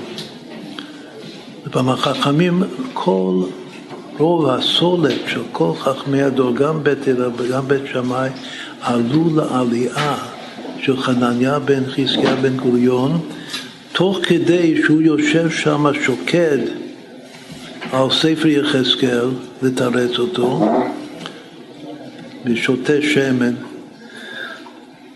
וכתוב שבאו לבקר אותו, עושים ביקור, יש ביקור חולים ויש ביקור מי שמתבודד בשביל להציל את התורה. ו, ותוך כדי שמבקרים אותו, שהוא, שהוא עסוק בספר יחזקאל, אז עשו, הנה, יש הזדמנות, הזדמנות פז, כמו שהרבי אומר. שכל חכמי ישראל עכשיו ביחד. בואו נדון, נדון בדברים החשובים שעומדים על הפרק, כנראה שיש בזה השלכה פוליטית, לא כנראה, ככה, ככה כתוב, ועכשיו זה ההזדמנות לקבל הכרעה. ואז רבו תלמידי בית שמאי, בית הלל, בשמונה עשר דברים כזו. למה דווקא הסיפור הזה צריך להיות כתוב בתחילת מסכת שבת? מה זה קשור לשבת? כל הסיפור הזה. אז מסבירים דבר אה, חשוב מאוד, אמרנו קודם ששמאי הם, הם, הם, הם כמו פנחס, הם הקנאים. וגם הקנאות של רבי עקיבא, הוא מקבל את זה משמיים. קנאים זה אלו אנשים שכבר רוצים משיח עכשיו. צריך רבי בשביל גם להיות קנאי וגם למתן את זה, זה נקרא בלי גבול בגבול, הגדר של רבי, כמו שמוסבר בצדיק יסוד עולם. מה המחלוק, איך זה בא לידי ביטוי בהלכה? מה רצו לפעול בזירה הפוליטית במרד הגדול? המרד הגדול זה קמים ונלחמים נגד הרומאים. במגמה לגרש אותם מן הארץ. השם לא נתן, אבל הם לחמו. אבל בבית, מה זה המרד הגדול בבית, בתוך כותלי בית המדרש? מה זאת אומרת? אז מסבירים המפרשים שבתוך בית המדרש המרד נגד, ה, אם זה היה בחנוכה, זה המרד נגד היוונים שרצו לבטל את, את תורתך או מצוותיך של הקודש ברוך הוא. בזמן המרד הגדול נגד הרומאים זה, זה גם כן, זה ההיבדלות המוחלטת והמובהקת מהגוישקייט והחשש של ההתבוללות בתרבות אה, רומא. עוד פעם, בשביל להילחם נגד התרבות צריך להיבדל מהתרבות. צריך לקחת עמדה אחרת, כמו אברהם אבינו, שכל העולם כולו בעבר אחד והוא עברי. אברהם העברי הוא מעבר השני, אז ככה אנחנו עם ישראל צריך להיבדל. לעשות הבדולו, הבדלה בין ישראל לעמים. בעיקר שוב, שרוצים ללמוד נגד משעבד, צריך להתרחק לגמרי לגמרי מהזדהות איתו, ממגע איתו. הם ידעו טוב טוב שגם שמשיח זה יהיה המתקה, ומה זה המתקה? שישראל עושה חייל. וכל העולם יתייהד באיזשהו מובן. אבל כרגע צריך הבדלה מוחלטת. וזה המחלוקת, ככה מוסבר. שבית שמאי, שהם הקנאים והם הלוחמים, רצו להיבדל לחלוטין מתרבות רומא. ממגע עם הגויים. ובית הלל המתונים, לא שחס ושלום רצו להתערב עם הגויים, אבל לגזול גזירות, שמונה עשר גזירות שעיקר מי שרואה את הגזירות האלה, רובם ככולם וצריך לומר שבעצם זה כולם, רק שרובם כולם בפירוש, זה גזירות של היבדלות מן הגוי. וזה קשור, זה כאילו זה הרוח הפנימית של המרד עכשיו. עכשיו, מרד זה בשביל להציל את עם ישראל. בגלל, לא סתם אני לוחם נגד, ה, נגד המשעבד. נגד מי שהולך להחריב לי את בית המקדש. זה להציל את היהדות. מה, מה, קרה שם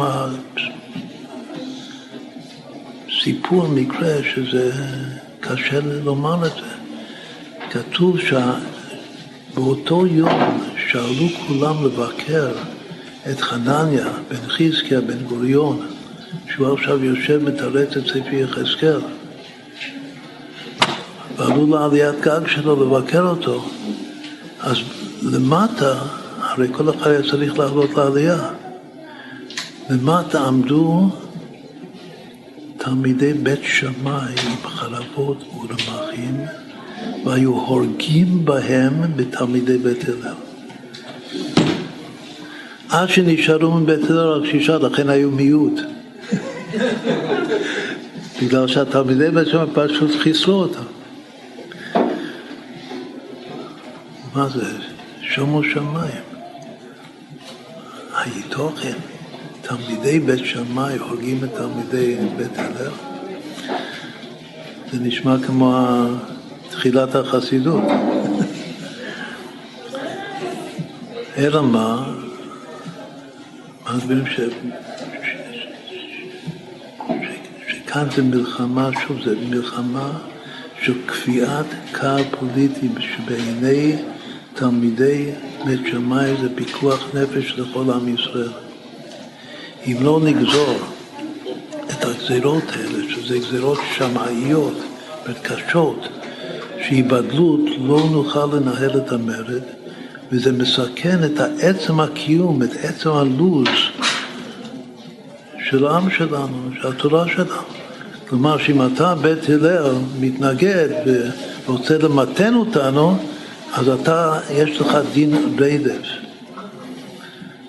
אתה, בית הלל, רודף את עם ישראל אם אתה, ככל שאתה מתנגד ל-18 תקנות האלה, שרובם ככולם זה להיבדר באופן מוחלט מה, מהרומאים. ואם יש לך דין לא יודע לבית הלל, צריך להרוג אותך, זה גם שאתה יהודי, גם שאתה צדיק. בתוספת כתוב שאותו יום היה קשה לעם ישראל כיום שנעשה בו העגל.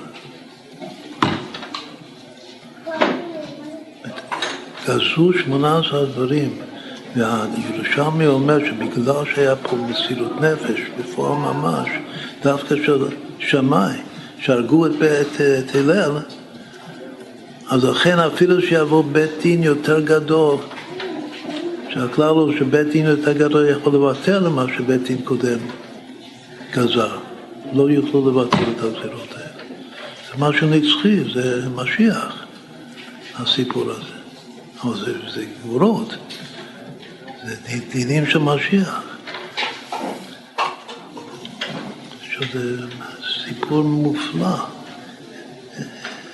אין כזה דבר. וזה מופיע בתחילת מסכת שבת, למה? מה הקשר לשבת? הקשר לשבת זה פשוט מאוד, בגלל שכל ה...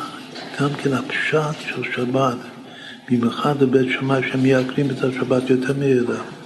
הרי שמאי דווקא הוא זה שאכל הכל לכבוד שבת מתחילת השבוע. זכור את יום השבת לקדשו. מחד בשבת עד השבתה. הכל אצלו, כל הראש שלו זה שבת. שגם שבת זה, זה מעין עולם הבא, זה לעתיד לבוא למשיח. הוא חי שבת, גם תכף נראה. הילה לא, הילה זה ברוך השם יום יום. הוא חי את היום, את ההווה, את הרגע. הוא מאמין שיגיע שבת, יהיה שבת. עוד פעם, שבת זה גאולה, זה משיח. הוא חי את העכשיו, הוא מאמין חזק במשיח, השם יעשה הכי טוב. אבל מי שחי כל הזמן, מה זה שבת? שבת זה אותי ביני לבין בני ישראל. גם תיקון הברית, שכידוע של ראשי תיבות בריאה, וזה גם, ובעיקר, זה היבדלות. שבת זה סימן, הסימן היבדלות. בינינו לבין הגוי, גוי ששמר את השבת חייב מיתה.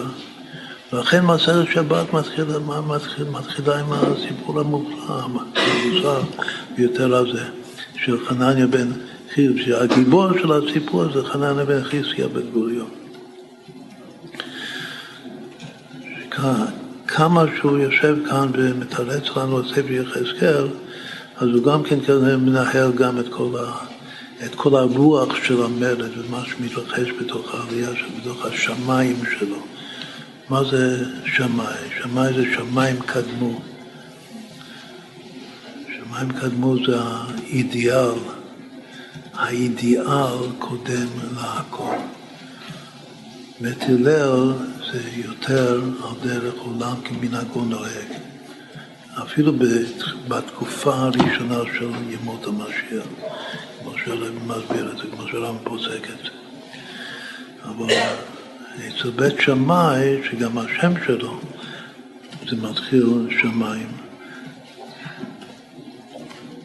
שמיים קדמו, ולכן הוא עלה לעלייה, ואמרנו שעלייה זה משל של שמיים.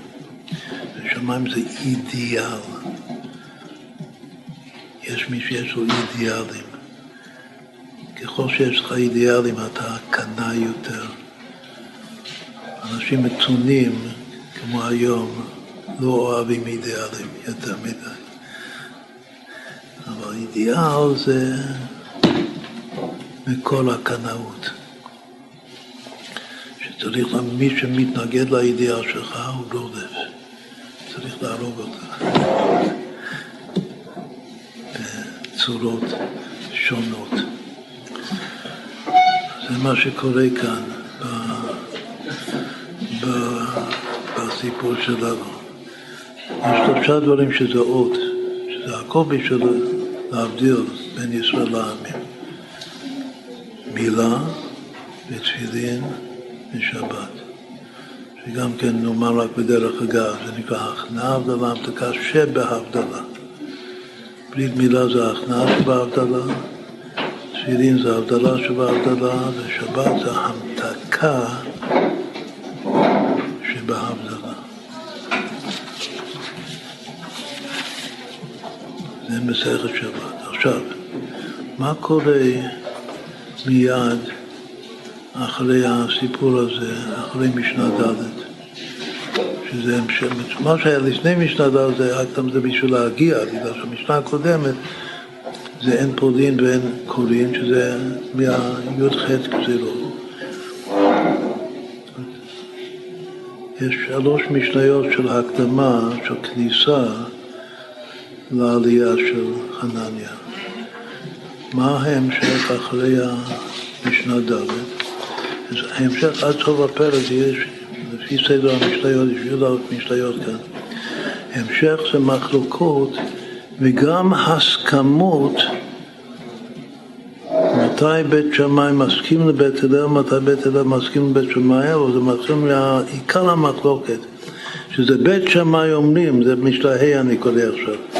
בית שמאי אומרים אין שורין דיו וסממנים וחרשינים, אלא כדי שישורים מבעוד יום. אם מתחילים מלאכה, צריך שעיקר המלאכה ייעשה, ייגמר מבעוד יום ביום שישי. אחרת אסור שזה לעשות אותו לכתחילה, מההתחלה אסור לעשות אותו.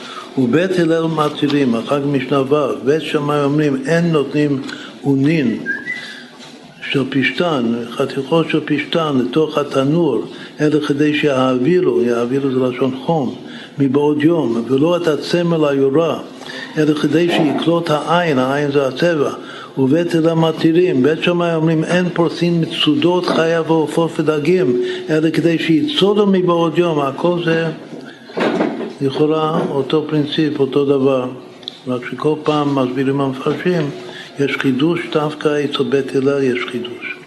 אצל בית שמאי זה אותו עיקרון. ובית הלל מתירים. עד כאן זה מחלוקת לגבי מלאכה ש... ש... ש... שהתחלת לפני שבת. אחר משנה ז', בית שמאי אומרים אין מוכרין להחריב ואין טוענים עמו. זה שאתה נותן ואפשר לחשוד ש... שאתה מסייע או שהנוכרי הזה עושה בשבילך. אין טוענים עמו ואין מגביהים עליו אלא כדי שיגיע למקום קרוב, שהיעד שלו יהיה מקום קרוב, שיוכל להגיע לשם לפני שבת. בית אלה מתירים. אחר כך ממשיך, בית אלי אומרים אין נותנים אורות לאדם לגוי, לאבד את האור, אלא אם כן הוא יוכל לעשות את העיקר לפני שבת. ולא כלים לכובס נוכרי, אלא כדי שיעשו מבעוד יום. ובכולן בית הלל מתירים עם השמש, בית הלל מתירים עד הרגע האחרון, אפשר לתת לו. כל זמן שהשמש שולחת ביום שישי. אמר עכשיו עוד פלא, משנה ט', אמר רבן שמעון בן גמליאל, נוהגין היו בית אבא שהיו נותנים כלי לבן, כלי לבן זה פשטן, זה לוקח הרבה זמן לכבס אותו, זה הדין, זה עדינה, לכובס נוכרי שלושה ימים קודם לשבת. היה, היו מקפידים, מי זה רבן גמליאל? זה נכד של הלל. בהלל, הנה בית הלל, הנשיאים, היו מקפידים כמו בית שמאי. יש בזה שני פירושים במפרשים, או שהיו מחמירים לעצמם, אבל לעם היו מתירים כבית הלל, או שממש פסקו את ההלכה כבית שמאי. שבית הלל פסקו כמו בית שמאי. שלושה ימים קודם השבת, בגלל שזה לוקח הרבה זמן לכבס את זה. ושבין אלו ואלו עכשיו, אחר כך המשנה ממשיכה ששניהם שווים בית הלל ובית שמיים, שטוענים קורות בית הבד באיגודי הגת, לשים את הקורה, לגמור את הדריכה של, ה, של היין ושל השמן, זה מותר אם אתה מתחיל לפני השבת. למה זה מותר? בגלל שעיקר, איך שלא יהיה עיקר הסחיטה נעשית מיד. אחר כך אין סולין בשר, בצל וביצה, אלא כדי שכאן בית הלל מסכים לבית שמאי. שבשר, לצלוב בשר בצל, בגלל שיש התערבות, זה נקרא שם יחטא, יש התערבות של בן אדם, או ייתכן מאוד שהבן אדם יתערב, יתערב בבישול, במלאכה שהיא אסורה, בתוך שבת גופה, אלא כדי שיצולו מבעוד יום. כמו בית שמאי. אז כאן, בית הבד זה בית, בית שמאי, מסכימים לבית הלל שמספיק רגע לפני שבת לשים את הכובע. ולגבי צליעה זה הפוך, שבית בית הלל מסכים לבית שמאי שלא מתחילים, אלא אם כן זה נגמר. אותו דבר, אין נותנים פת לתנור עם חשיכה, לא חלרה על גבי גחלים, אלא כדי שיקרמו פניה, צריך שעיקר האפייה תיגמר ביום שישי, מבעוד יום. רבי אליעזר אומר כדי שיקרום את החושך. אחר כך בבית המקדש, ששם נזהרים מאוד וזריזים מאוד, יש יוצא מן הכלל. משלשלים את הפסח בתנור עם חשיכה, ומאחיזים את האור במדורת בית המוקד. גבולים כדי שתאחז האור ברובן, רבי יהודה אומר והפחמים כלשהו. זה כולה בבית המקדש, בגלל הזריזות שם. טוב, עד כזה הסוף של פרק א'. רואים שעד סוף פרק א' זה הכל מחלוקת של בית הלל בת שמאי וגם מתי אחד מסכים לשני ולא כתוב במשנה מה הטעם של ה... מה הסברה, מה הטעם של המחלוקת. אז כאן אמרת, זה, עכשיו זה ראוי היה עכשיו להאריך, אבל נקצר. זה שיעור שלם בניגלה. יש השתלשלות של הבנת הטעם של כל המשניות האלה. הבבלי, אנחנו נוהגים ללמוד הטעם בבבלי ולפסוק כמו הטעם בבבלי. אז הטעם בבבלי קוראים לזה שפיטת כלים. האם האדם מוזהר או מצווה על שפיטת כליו בשבת כמו שהוא מוזהר על שפיטת, שפיטת בהמתו. למען ינוע שלך וחמורך שש ימים תעשה מלאכתך וכולו למען ינוע. כמו שאדם אסור לו לעשות מלאכה בשבת, אסור שהבהמה שלו תעשה מלאכה בשבת. מסבירים המפרשים למה, בגלל שבהמה יש גם צער, יש צער בעלי חיים, ככה, ככה ברקנור כותב בפירוש, שזה משום צער בעלי חיים. ואסור לגרום צער לבהמה שלך, הוא צריך לנוח, כמו שאתה צריך לנוח.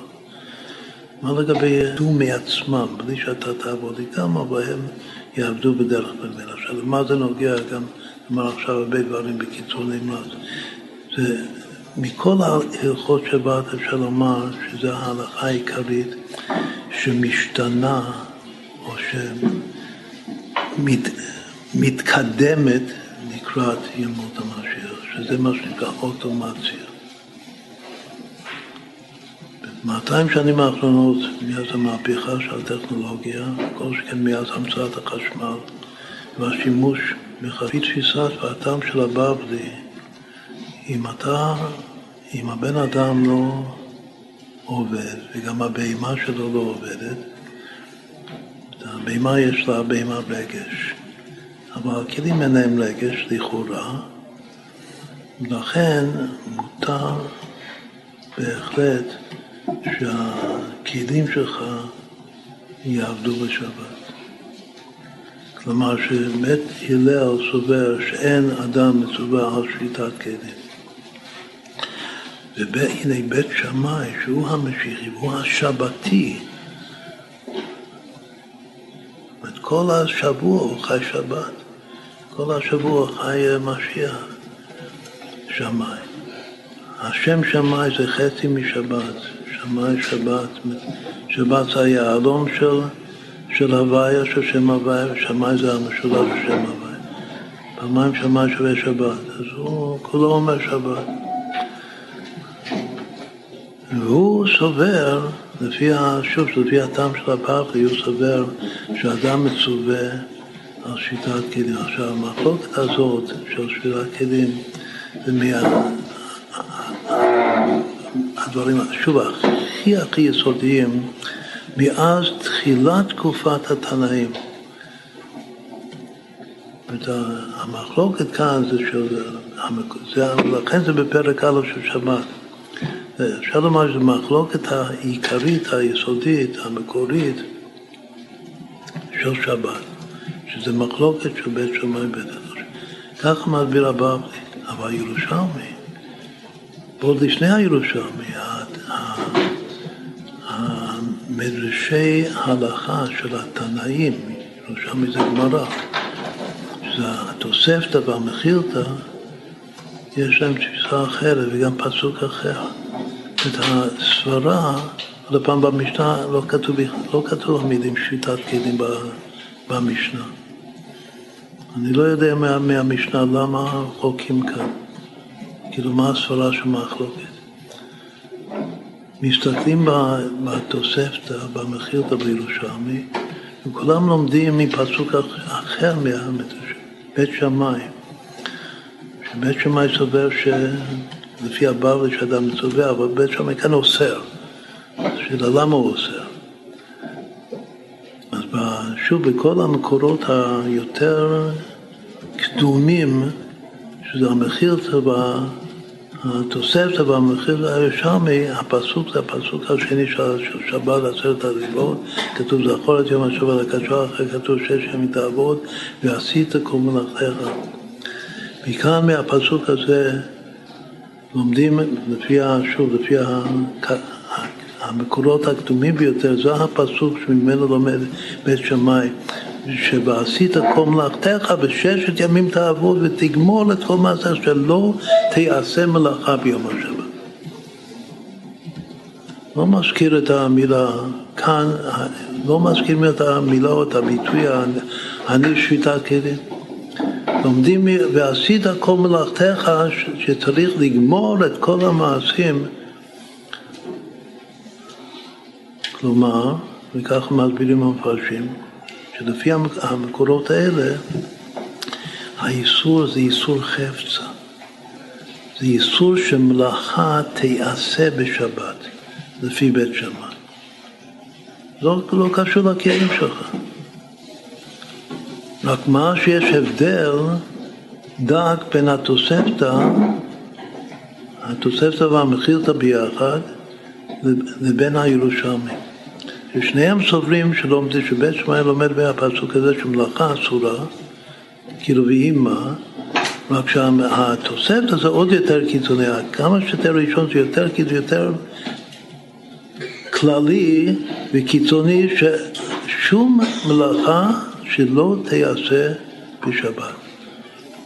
ככה, ככה זה החומרה, הדין של בית שמאי. הירושלמי אומר שקצת ממתן את זה, הוא אומר ש, ש, שמלאכה צריכה להיעשות, עיקר המלאכה צריך להיגמר לפני שבת. אבל אם העיקר כמו בבית הבד, שאומרים שמיד העיקר נעשה, וכל מה שהוא סוחט במשך השבת זה טפל. זה היה נעשה מעצמה גם בלי הקורה, רק שהקורה זה מקל על זה, עושה את זה יותר מהר. עוד פעם, לפי הירושלמי זה גם כן, זה איסור של היעשות מלאכה, זה לא בגלל שזה, זה לא קשור לכלים שלך. זה, האיסור זה היעשות מלאכה שהעיקר, מתי זה אסור? אם העיקר לא נעשה לפני שבת. אבל אם העיקר כן נעשה לפני שבת, גם בית שמאי מודים שזה בסדר. שהטפל יימשך בתוך השבת. אז יש פה שתי דרגות שלומדים מ, מ, מהפסוק שש ימים תעבוד ויעשיר כל מלאכתך ושניהם סוברים שהאיסור זה איסור של החפצה של המלאכה, ככה מסבירים. אם אני סובר כמו הבבלי, שלא מביא, הבבלי אומר שבית שמאי בכלל לומדים פסוק אחר, לא לומדים מהפסוק הזה בעשרת הדיברות, שש ימים תעבוד ועשית מלאכה, לומדים מה, מפסוק בפרשת משפטים, ששת ימים תעשה מעשיך, ואחר כך הפסוק ממשיך ובכל אשר אמרתי עליכם תשמע. כתוב שש ימים תעשה מעשיך למען ינוח שלך וחמוך, זה פסוק אחד, ואחר כך הפסוק הבא זה ובכל אשר אמרתי עליכם תשמר. זה בא לרבות שפיטת כלים, כמו שקודם, הפסוק הקודם היה שפיטת בהמה, שפיטת אדם ואחר כך שפיטת בהמה, אז אחר כך הפסוק הבא שהוא כללי, איך רש"י מסביר את הפסוק הזה? ובכל אשר אמרתי עליכם תשמרו, ושם אלוקים האחרים לא תזכירו לא יישמע על פיך. קודם כל רואים שזה קשור לעבוד זורו בסוף. זה התחלת מסכת עבודה זרה, יש פה קשר בין התחלת מסכת שבת ומסכת עבודה זרה. תכף נאמר מה הקשר. לא כתוב, הפסוק הזה אני יכול ללמוד שהוא לא קשור לשבת דווקא. אבל בית שמאי אומרים שהפסוק הזה שהוא בא בהמשך, למען ינוח, שולחה והחמכה אומרים שזה עוד, עוד שלב, כמו שאתה מצווה על הבהמה, שלא תעבור לא תעשה מלאכה בשבת, אתה מצווה על הכלים. מה יכול להיות אחרי בהמה? כלים. כלומר שיש שלוש מדרגות, יש אדם, בהמה, כלי. לפי בית שמאי אדם, אדם אסור, לפי הבבלי, אדם אסור והבהמה שלו אסור לו והכלי שלו, אם זה כלי של מישהו אחר או שהמלאכה נעשית בלי כלי זה בסדר גמור לפי הספרה הזאת של הבבלי. כלומר שמה שקרה כאן זה, זה שהמשקל של האיסור של בית שמאי זה, זה עובר מחפצה לגברא. שפיטת כלים זה איסור על הגברא. איסור על הגברא שהכלים שלו יעבדו בשבת. חפצה זה איסור על שהמלאכה תיעשה בשבת. אמרנו שיש בזה שתי מדרגות של התוספת המחיר, אחר של ירושלמי אבל שניהם זה מאותו פסוק, מאותו ספרה של, של, של, של החפצה, והדגש הוא מהחפץ, מהחפץ שבבבלי זה כבר על הגברה. איך נסביר את זה בפנימיות? בפנימיות זה הסבר מאוד יפה, הירושלמי, ופה שכן מה שקדם לירושלמי, תורת, הכל זה תורת ארץ ישראל. תורת ארץ ישראל, האיסור של בית שמאי זה על החפץ של המלאכה. ובבלי, שזה כבר לעבור לבבל, לגלות לבבל, שעל זה כתוב במחשקים הושיבה נקמתי עולם, מוכין דאימא. הירושלמי, וכל שמה שקדם לירושלמי זה מוכין דאבא.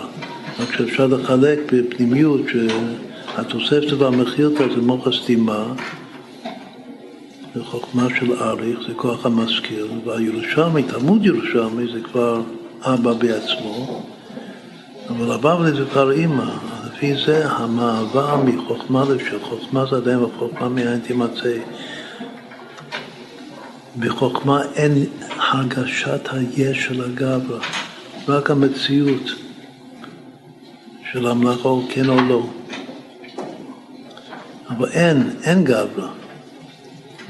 יש מלאכה.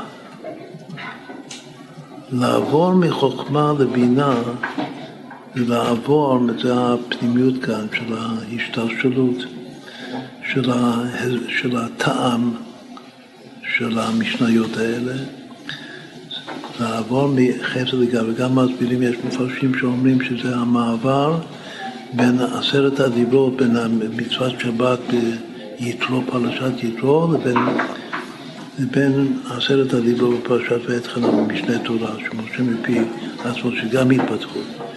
שהטעם של שבת ביתרו זה מעשה בראשית, מעשה בראשית זה חפצה, ככה מסבירים. והטעם של שבת בבית חנן זה יציאת מצרים.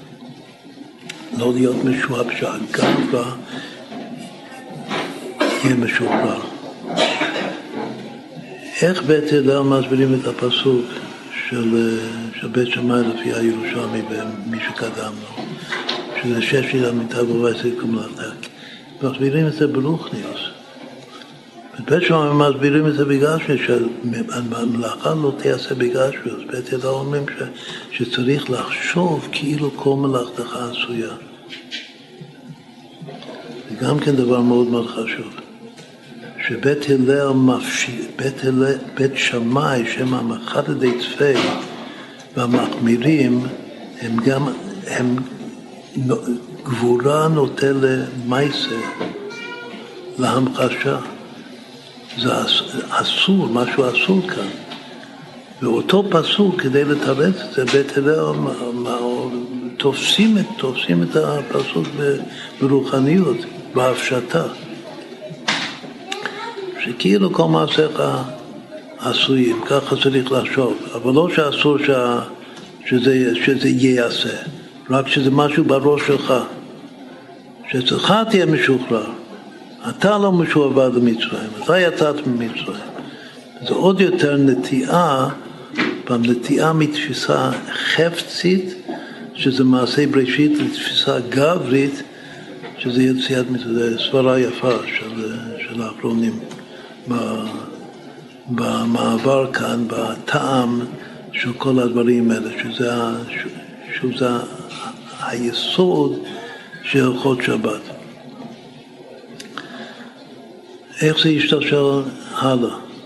יש מחלוקת, יש בגמרא מחלוקת בין, בין רב לרב יוסף, שלא נאמר את הפירוש יוסף שם, לפי ההסבר אחד שרבי יוסף סובר שמלאכה, שהכלי שלך כאביד מייסה עושה מעשה בפועל גם לבית הבל, זה אסור, משום שביתת כלים. כלומר שהיסוד, יש פה עוד משהו, שהיסוד של בית שמאי הוא נמצא גם אצל בית הבל. ככה יש, בלי להעריך ולהעמיק בפרטים, שרב יוסף בגמטיה משיח סובר בגמרא לא כמו רבו, יש מחלוק גם איך פוסקים את ההלכה. רבנו חננאל פוסק כמו רבא ורבנו תם כמו רב יוסף. רב יוסף הוא רק אומר שרב יוסף רק אומר את זה לגבי שמאי, אבל יש סברה בגמרא שאומר את זה גם לגבי הלל. אחר כך הרבה יותר מאוחר בראשונים, מי שמזכיר אה, מרחץ לגוי זה אסור, בגלל שהמרחץ נקרא על שם ישראל ויחשבו שהמרחץ שלו עובד בשבת. אומר הרשב"ם, ואחריו בא לרוקח, אומרים שזה רק מדובר לגבי בית שיש בתוך הבית מרחץ. אבל אם זה מדובר בכלים של המרחץ עצמו, יש איסור דאורייתא. שאנחנו פוסקים שעם גם כן אותו סיבה, שעם הכלים כאביד מייסה, כלים שעושים משהו, יש כלים סבילים ויש כלים פעילים. כלים פעילים גם לבית הלל זה אסור, כמו הסברה הזאת של אביב. זה ראשונים. הבית יוסף פוסק כמו רבינו תם, אבל הבח מסביר לעומק את הסברה כאן של הרשב"ם ושל הרוקח, ואומר שראוי לכל ירי שמיים להחמיר ולפסוק כמו, כמו לנהוג כמו הרשב"ם. שזה עוד פעם, זה העיקרון של בית שמאי מחלחל נמצא בתוך זה. כל המאמר, מה לגבי בית חרושת? אפשר כל הבית חרושת לעבוד בשבת עם אוטומציה. אז זו השאלה כאן בתחילת התקופה האחרונה, פסקו, משאז היו רבנים אה, אנשים כאן, אנשים אה, גדולים, שזה הרב הרצוג והרב עוזיאל, הם פסקו שאף על פי שלא מצאו שום סיבה לאסור בהלכה שבית חרושת תעבוד מאלף עד תו בשבת על ידי שעון שבת וכולו, אם יש כל התנאים, יש הרבה תנאים, כן, אם מעלים את כל התנאים, עדיין אנחנו נותנים לאסור את זה. אז הטעם שלהם היה בגלל ש, שממנו יירו וכן יעשו עוד מקומות שלא יקפידו על כל ההלכות ופשוט יחילו שבת בפרהסיה בכל העולם. אסרו את זה בגלל ההשלכות של הדבר הזה, אף על פי שכותבים שלא מצאו שום דרך בהלכה לאסור את הדבר הזה.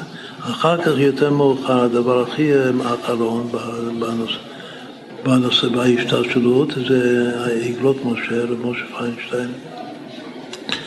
שהוא מחלק בין בישול לבין להדליק אור. הוא אומר ששעון שבת, בשביל להדליק אור או לזכור אור זה בסדר, למה? בגלל שגם המילה לגוי. הוא מדמה קודם כל את שעון שבת האמירה לגוי, מה שהאמירה לגוי נהגו להתיר, השעון שבת זה גם בסדר.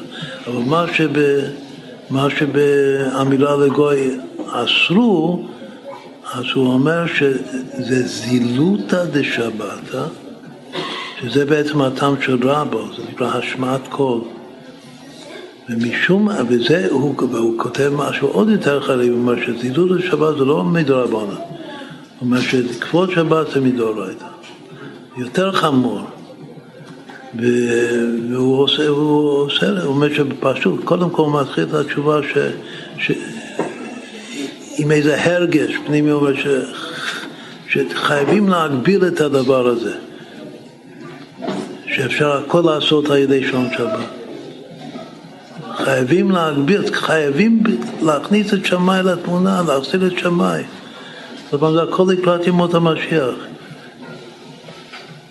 צריך לאזן את זה, צריך לאזן את בית הלל עם קצת בית שמאי. יותר מדי התר. זה כותב את ה... בפירוש כך, זה הכל, זה זילותא דשבת. הוא אומר שבישול אש, שעון שבת בשביל להפעיל פלטה חשמלי בשבת, שיבשל לך, שיתחיל לבשל אחר הצהריים, שיהיה לך צ'ולן חם, מה הבעיה? הרי בית אלה הכל מותר. לא, הוא אומר שאני אוסר את זה, זה שלהם שאוסר את זה. הוא מחלק בין, שוב, בין אור ובין אש. אור זה חוכמה זה בסדר, ואש זה כבר לא בסדר. בישול. עכשיו, בפנימיות יש, יש הרבה דברים מאוד מאוד יפים, שגם רק נאמר במילה אחת. יש של הספסמת, יש של אימרי אמס. יש וורד של, נוסטן אדלר, הרבי של החתם סופר, שהוא אומר שכלי הרבה פעמים זה כינוי למחשבה. מה שכלי זה יותר עמוק מאשר בהמה. יש, אמרנו קודם שיש אדם בהמה כלי, אז לכאורה כלי זה יותר רחוק, יותר רחוק מה... ואין לו הרגש בכלל. אז קודם כל יש, יש אה, דורשים שמי שמאמין במשיח, אז הוא מאמין והוא חי משיח, אז הוא כבר חי עכשיו אבן תזעק. כתוב ביום יום שאתה דורך על אבן. לעתיד לבוא יתחיל לצעוק עליך, מה דרכת עליי? אתה מה, בהמה, אתה לא חשבת דברי תורה? לא תיקנת אותי. מה, הכלי הוא לא, אין לו רגש, אין לו נשמה, הרי כתוב בכתבי הרי כך פותח שהייחוד באמונה, שה, שהשם בורא עם, עם מאמר את, את הדומם. הדומם יש לו נפש. כל שכן מישהו, מישהו מאמין בכתבי אריזה שיכול להיות גלגול נשמה בתוך אבן. זה הצער הכי, אם יש צער בעלי חיים, יש צער בתוך האבן. בסדר, אבל זה גילוי, זה, זה הרגש של משיח, זה צריך להיות מאוד מאוד עמוק בית שמיים.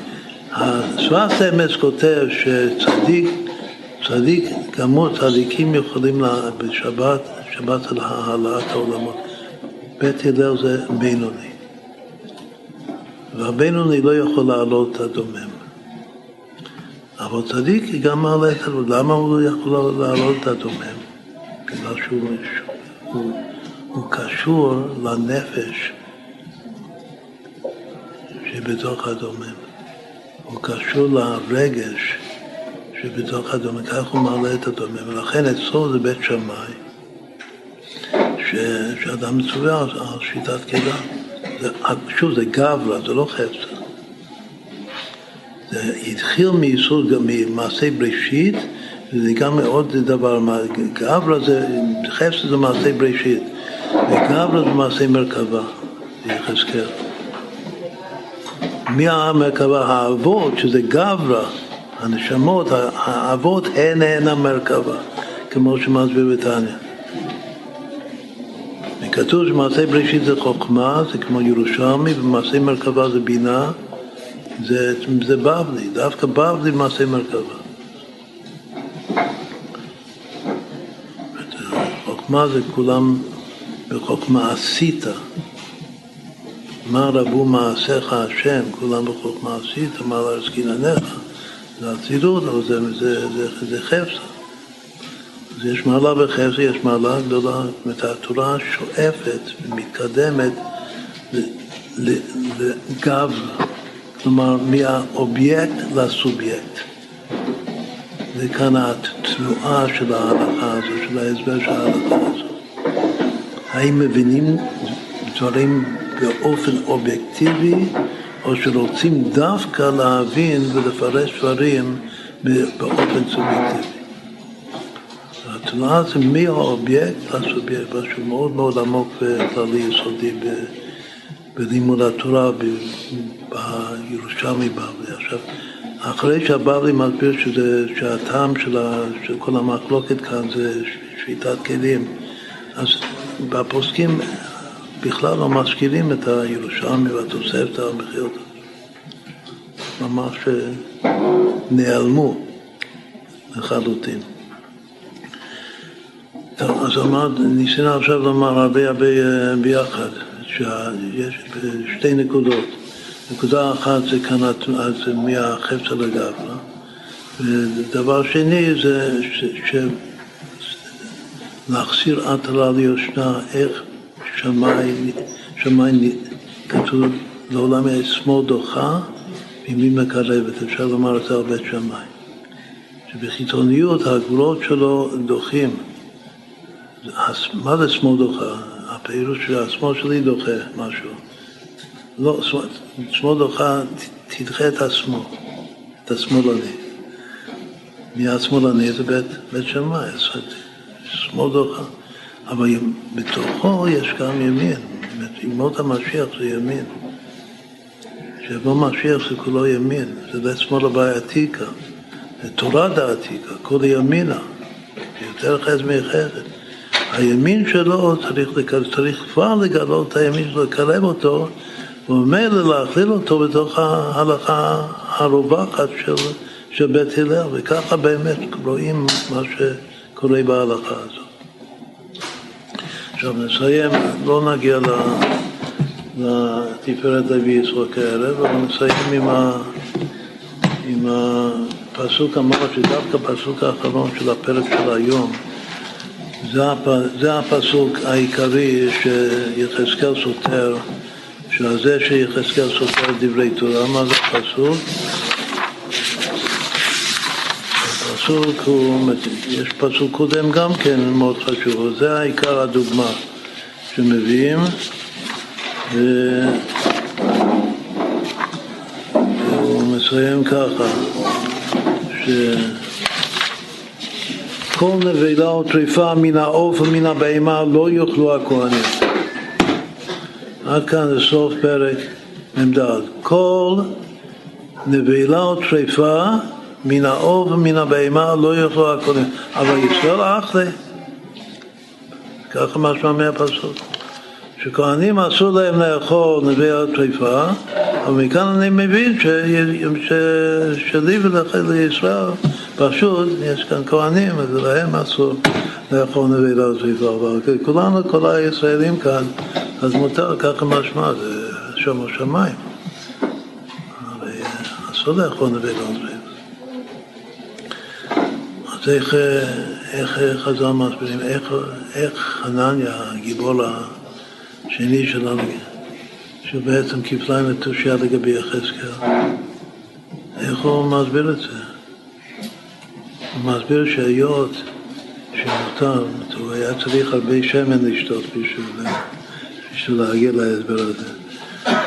שהיות ש, שבחטאת העוף בבית המקדש הכוהנים אוכלים מ, מ, לא משחיטה, ממליקה, שמוקים את העוף וכהנים צריכים לאכול בשביל שבעלים יתקפלו.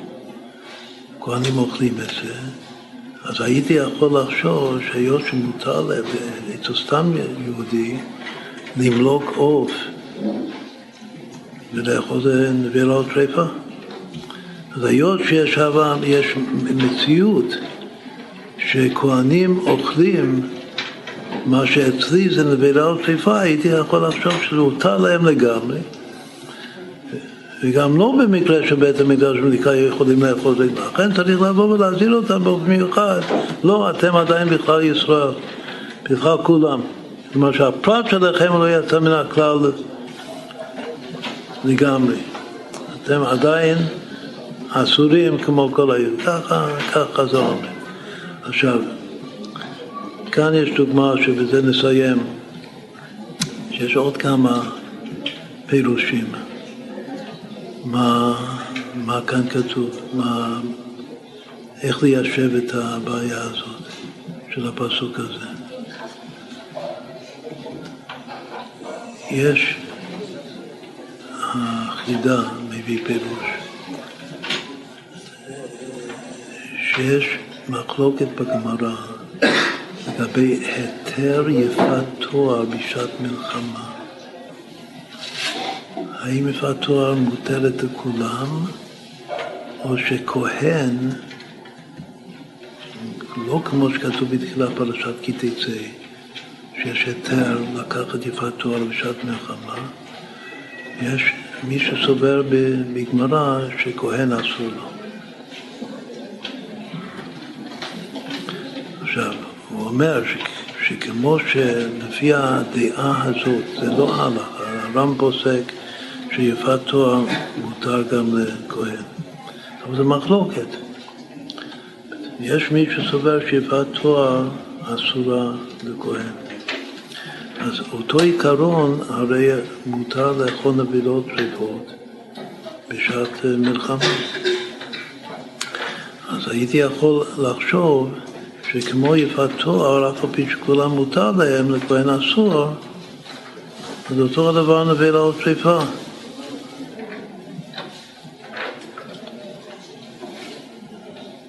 ש...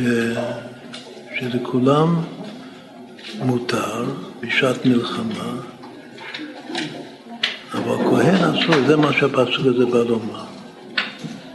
שכל, בכל מקרה, גם בשעת מלחמה, כל נבילה ודחיפה מן האור ומן הבהמה לא יוכלו הכהנים. כהנים אסור להם.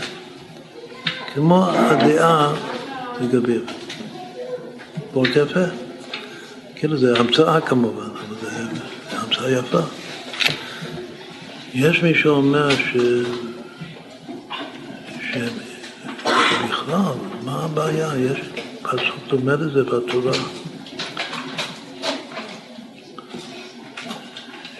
שכתוב לכהנים שנדינה ופריפה לא יוכלו לטמא בה, אני השם. פסוק מפורש.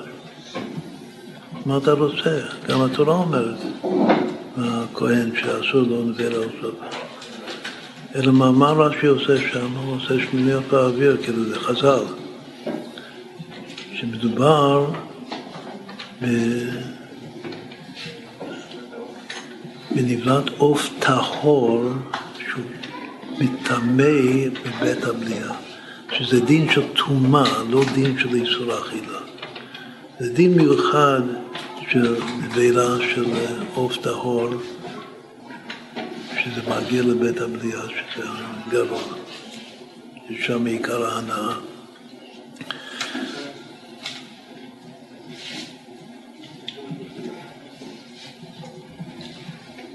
אז יש מי שסובר שגם כאן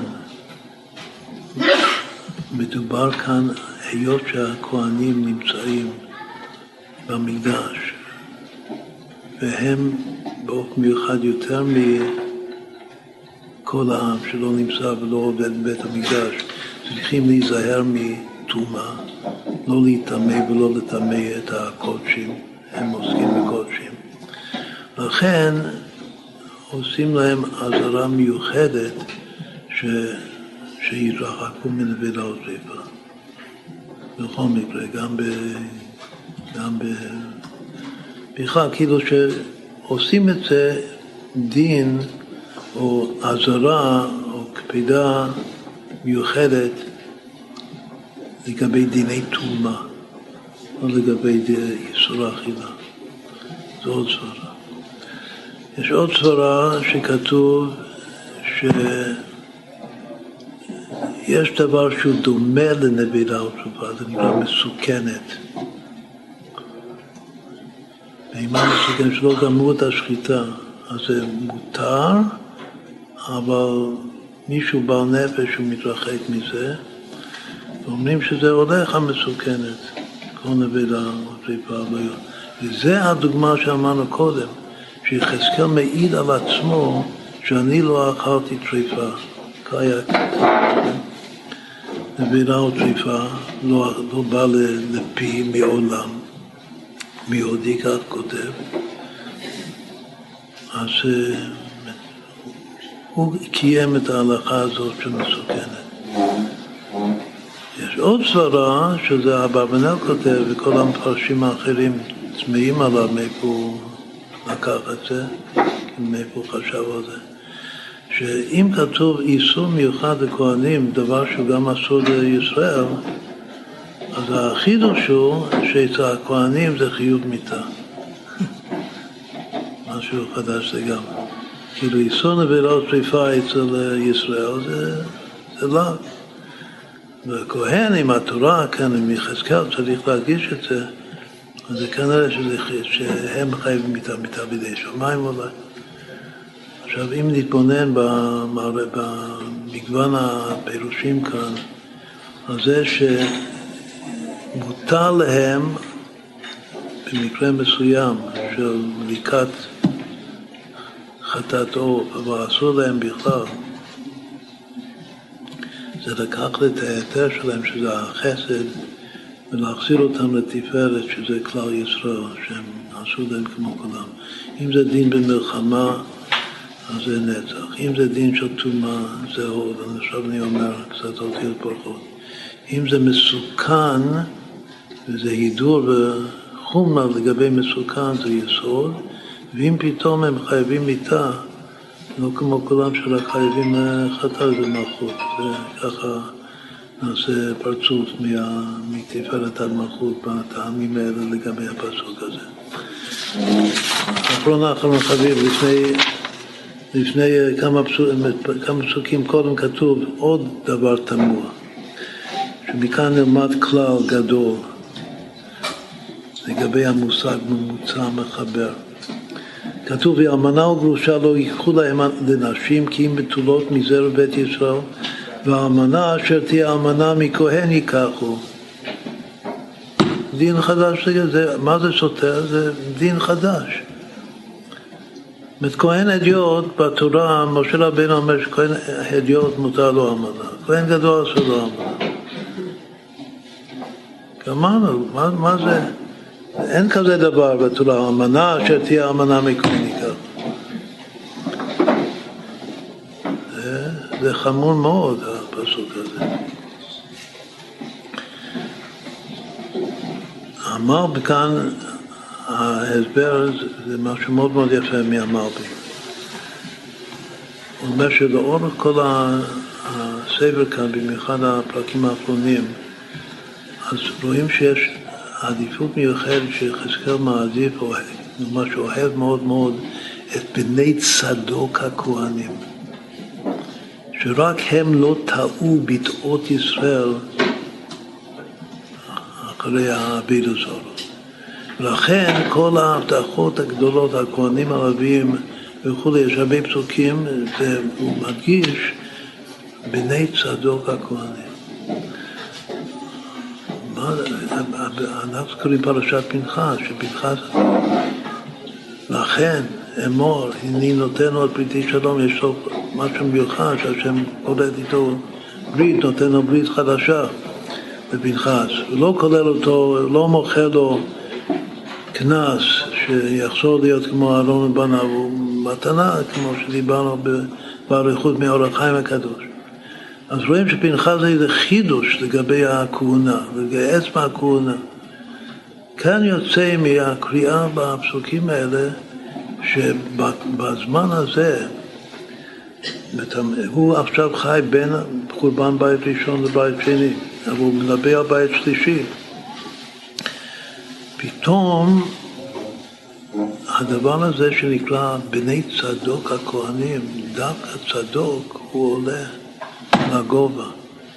כאילו שקודם היה אהרון, ואחר כך אה, בא פנחס, ובסוף זה צדוק. אמרנו שאהרון זה מצד ה... בתוך הכהונה גופה. אהרון זה החסד, זה הבל. ופנחס זה שמאל, זה קין.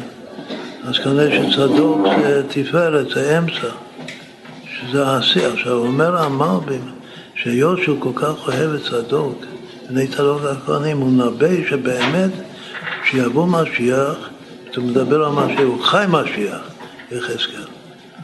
כשיבוא משיח אז יהיה מעמד מיוחד בכהונה לבני צדוק הכהנים, שהם יהיו ממוצ... זה וורט מאוד מאוד יפה, אני יודעתי, שבני צדוק עתידים להיות ממוצע בין כהן גדול לבין כהן אדיוט, פלואים.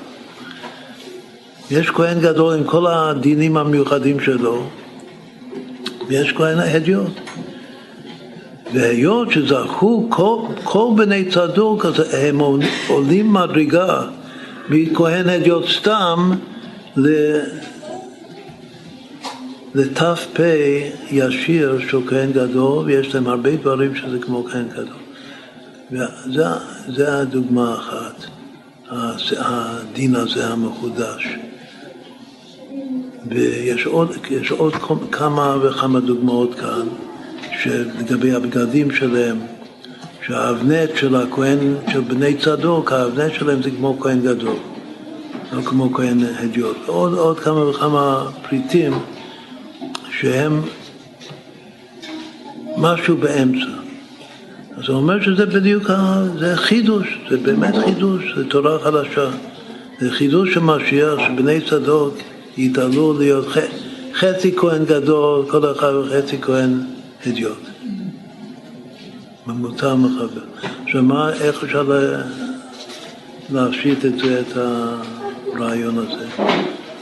זאת יודעים שבחסידות המושג ממוצע זה מאוד חשוב, וגם ב... אנחנו מסבירים שגם בניגלה, כל המחלוקות בתורה זה מחלוקות של ממוצע, לאיזה קצה הוא נוטה, כמו שיש לנו הרבה הרבה אה, דיבור ושיעורים על זה. מכאן יוצא כלל גדול ויפה ביותר שיש שני סוגי ממוצע. בדרך כלל בחסידות מוסבר שהוא ממוצע, אז שוב, או יש לו דברים שכמו זה, ויש דברים שכמו זה, בגלל שממוצע מחבר הוא צריך להיאחז בשני הקצוות. הוא דומה לזה, הוא דומה לזה. והוא ממוצע ביניהם, ולכן הוא יכול לחבר אותם. אבל כאן רואים שיש דוגמאות כאן בפסוקים, שאם תופסים את בני צדוק הכהנים כממוצע, בין כהן גדול לבין כהן אדיוט, שיש להם, לא שזה, שיש להם חלק מהדינים של הכהן גדול וחלק מהדינים של, ה, של הכהן האדיוט, והדין הזה של הגרושה, של האלמנה מכהן, ייקחו, אז זה דין חדש. זה פשוט, זה, זה הרכב ההמצאה של, של ממוצע של חיבור, אבל זה לא, זה לא קצת מכאן וקצת מכאן, זה משהו אחר, משהו חדש. כלומר שממוצע יכול להיות חלק מכאן, חלק מכאן, או יכול להיות משהו חדש בפני עצמו. ועיקר הממוצע, אפשר להסביר שזה, יש גם בעולם הזה ממוצע ויש ימות ממש תורה חדשה. יש ממוצע שהוא עדיין תורה ישנה, אבל הוא ממוצע, הוא מחבר, בגלל שיש לו, הוא אוחז כאן והוא אוחז כאן, וכך הוא מחבר את שני הקצוות. אבל כשיבוא מלך המשיח, אז הממוצע זה יהיה מציאות חדשה. ודווקא זה כתוב בחסידות שהממוצע, היות שהוא יכול לחבר את שני הדברים, אז השורש שלו זה מעל שני הדברים שהוא מחבר אותם. אז דווקא הממוצע של משיח שהוא משהו חדש לגמרי, כמו האלמנה כאן מכהן אחר, אז זה מגלה את השורש האמיתי של הממוצע. וזה עיקר החידוש של ביאת משיח בכלל, שכולנו נהיה ממוצע בין עצם האלוקות לבין המציאות. והממוצע הזה שהוא בין שמיים לארץ. דיברנו על פסוק וימח את כל היקום, כתוב שהזרע של הבל, שזה את הטיפות האלה, הם עומדים בלי גוף, הטיפות, בגלל שאין נוקבה. זה כתוב תלוי ברפיון, זה הביטוי. קין, זרע קין, תלוי ברפיון בין שמיים לארץ, עד שבא המבול ומחה אותו.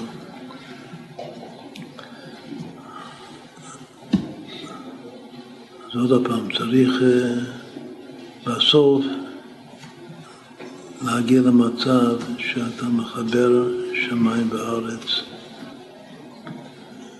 ממקום שזה יותר גבוה משניהם ביחד. אתה מחבר את הבלי גבול, שוב כמו רבי, שרבי זה בלי גבול, בלי גבול, את היכולת לחבר במקום שזה למעלה מהליבוע והגבוה, שקוראים לזה העצמות בלשון החסידות, והביטוי שלו המעשי, שזה זה, זה חידוש תורה. חידוש תורה אמיתי זה מה שדיברנו בהתחלת השיעור, שזה נקרא יגיע, שהחיינו וקיימנו והגיענו לזמן הזה, שנגיע לחידוש תורה אמיתית, תצא תורה חדשה אמיתית תצא. אז עד כאן אה, הערב, נשאיר את הנביא יצחק בעזרת השם לפעם הבאה. אז נעשה כולנו ועוד הרבה ללמוד אה, הלאה. אמרנו שאחרי שנגמר את יחזקאל, אז אה, להתחיל, את תרי עשר. ושזה כבר הספר ה-13 בתנ"ך. בפרק ב' בשבת. לחיים לחיים.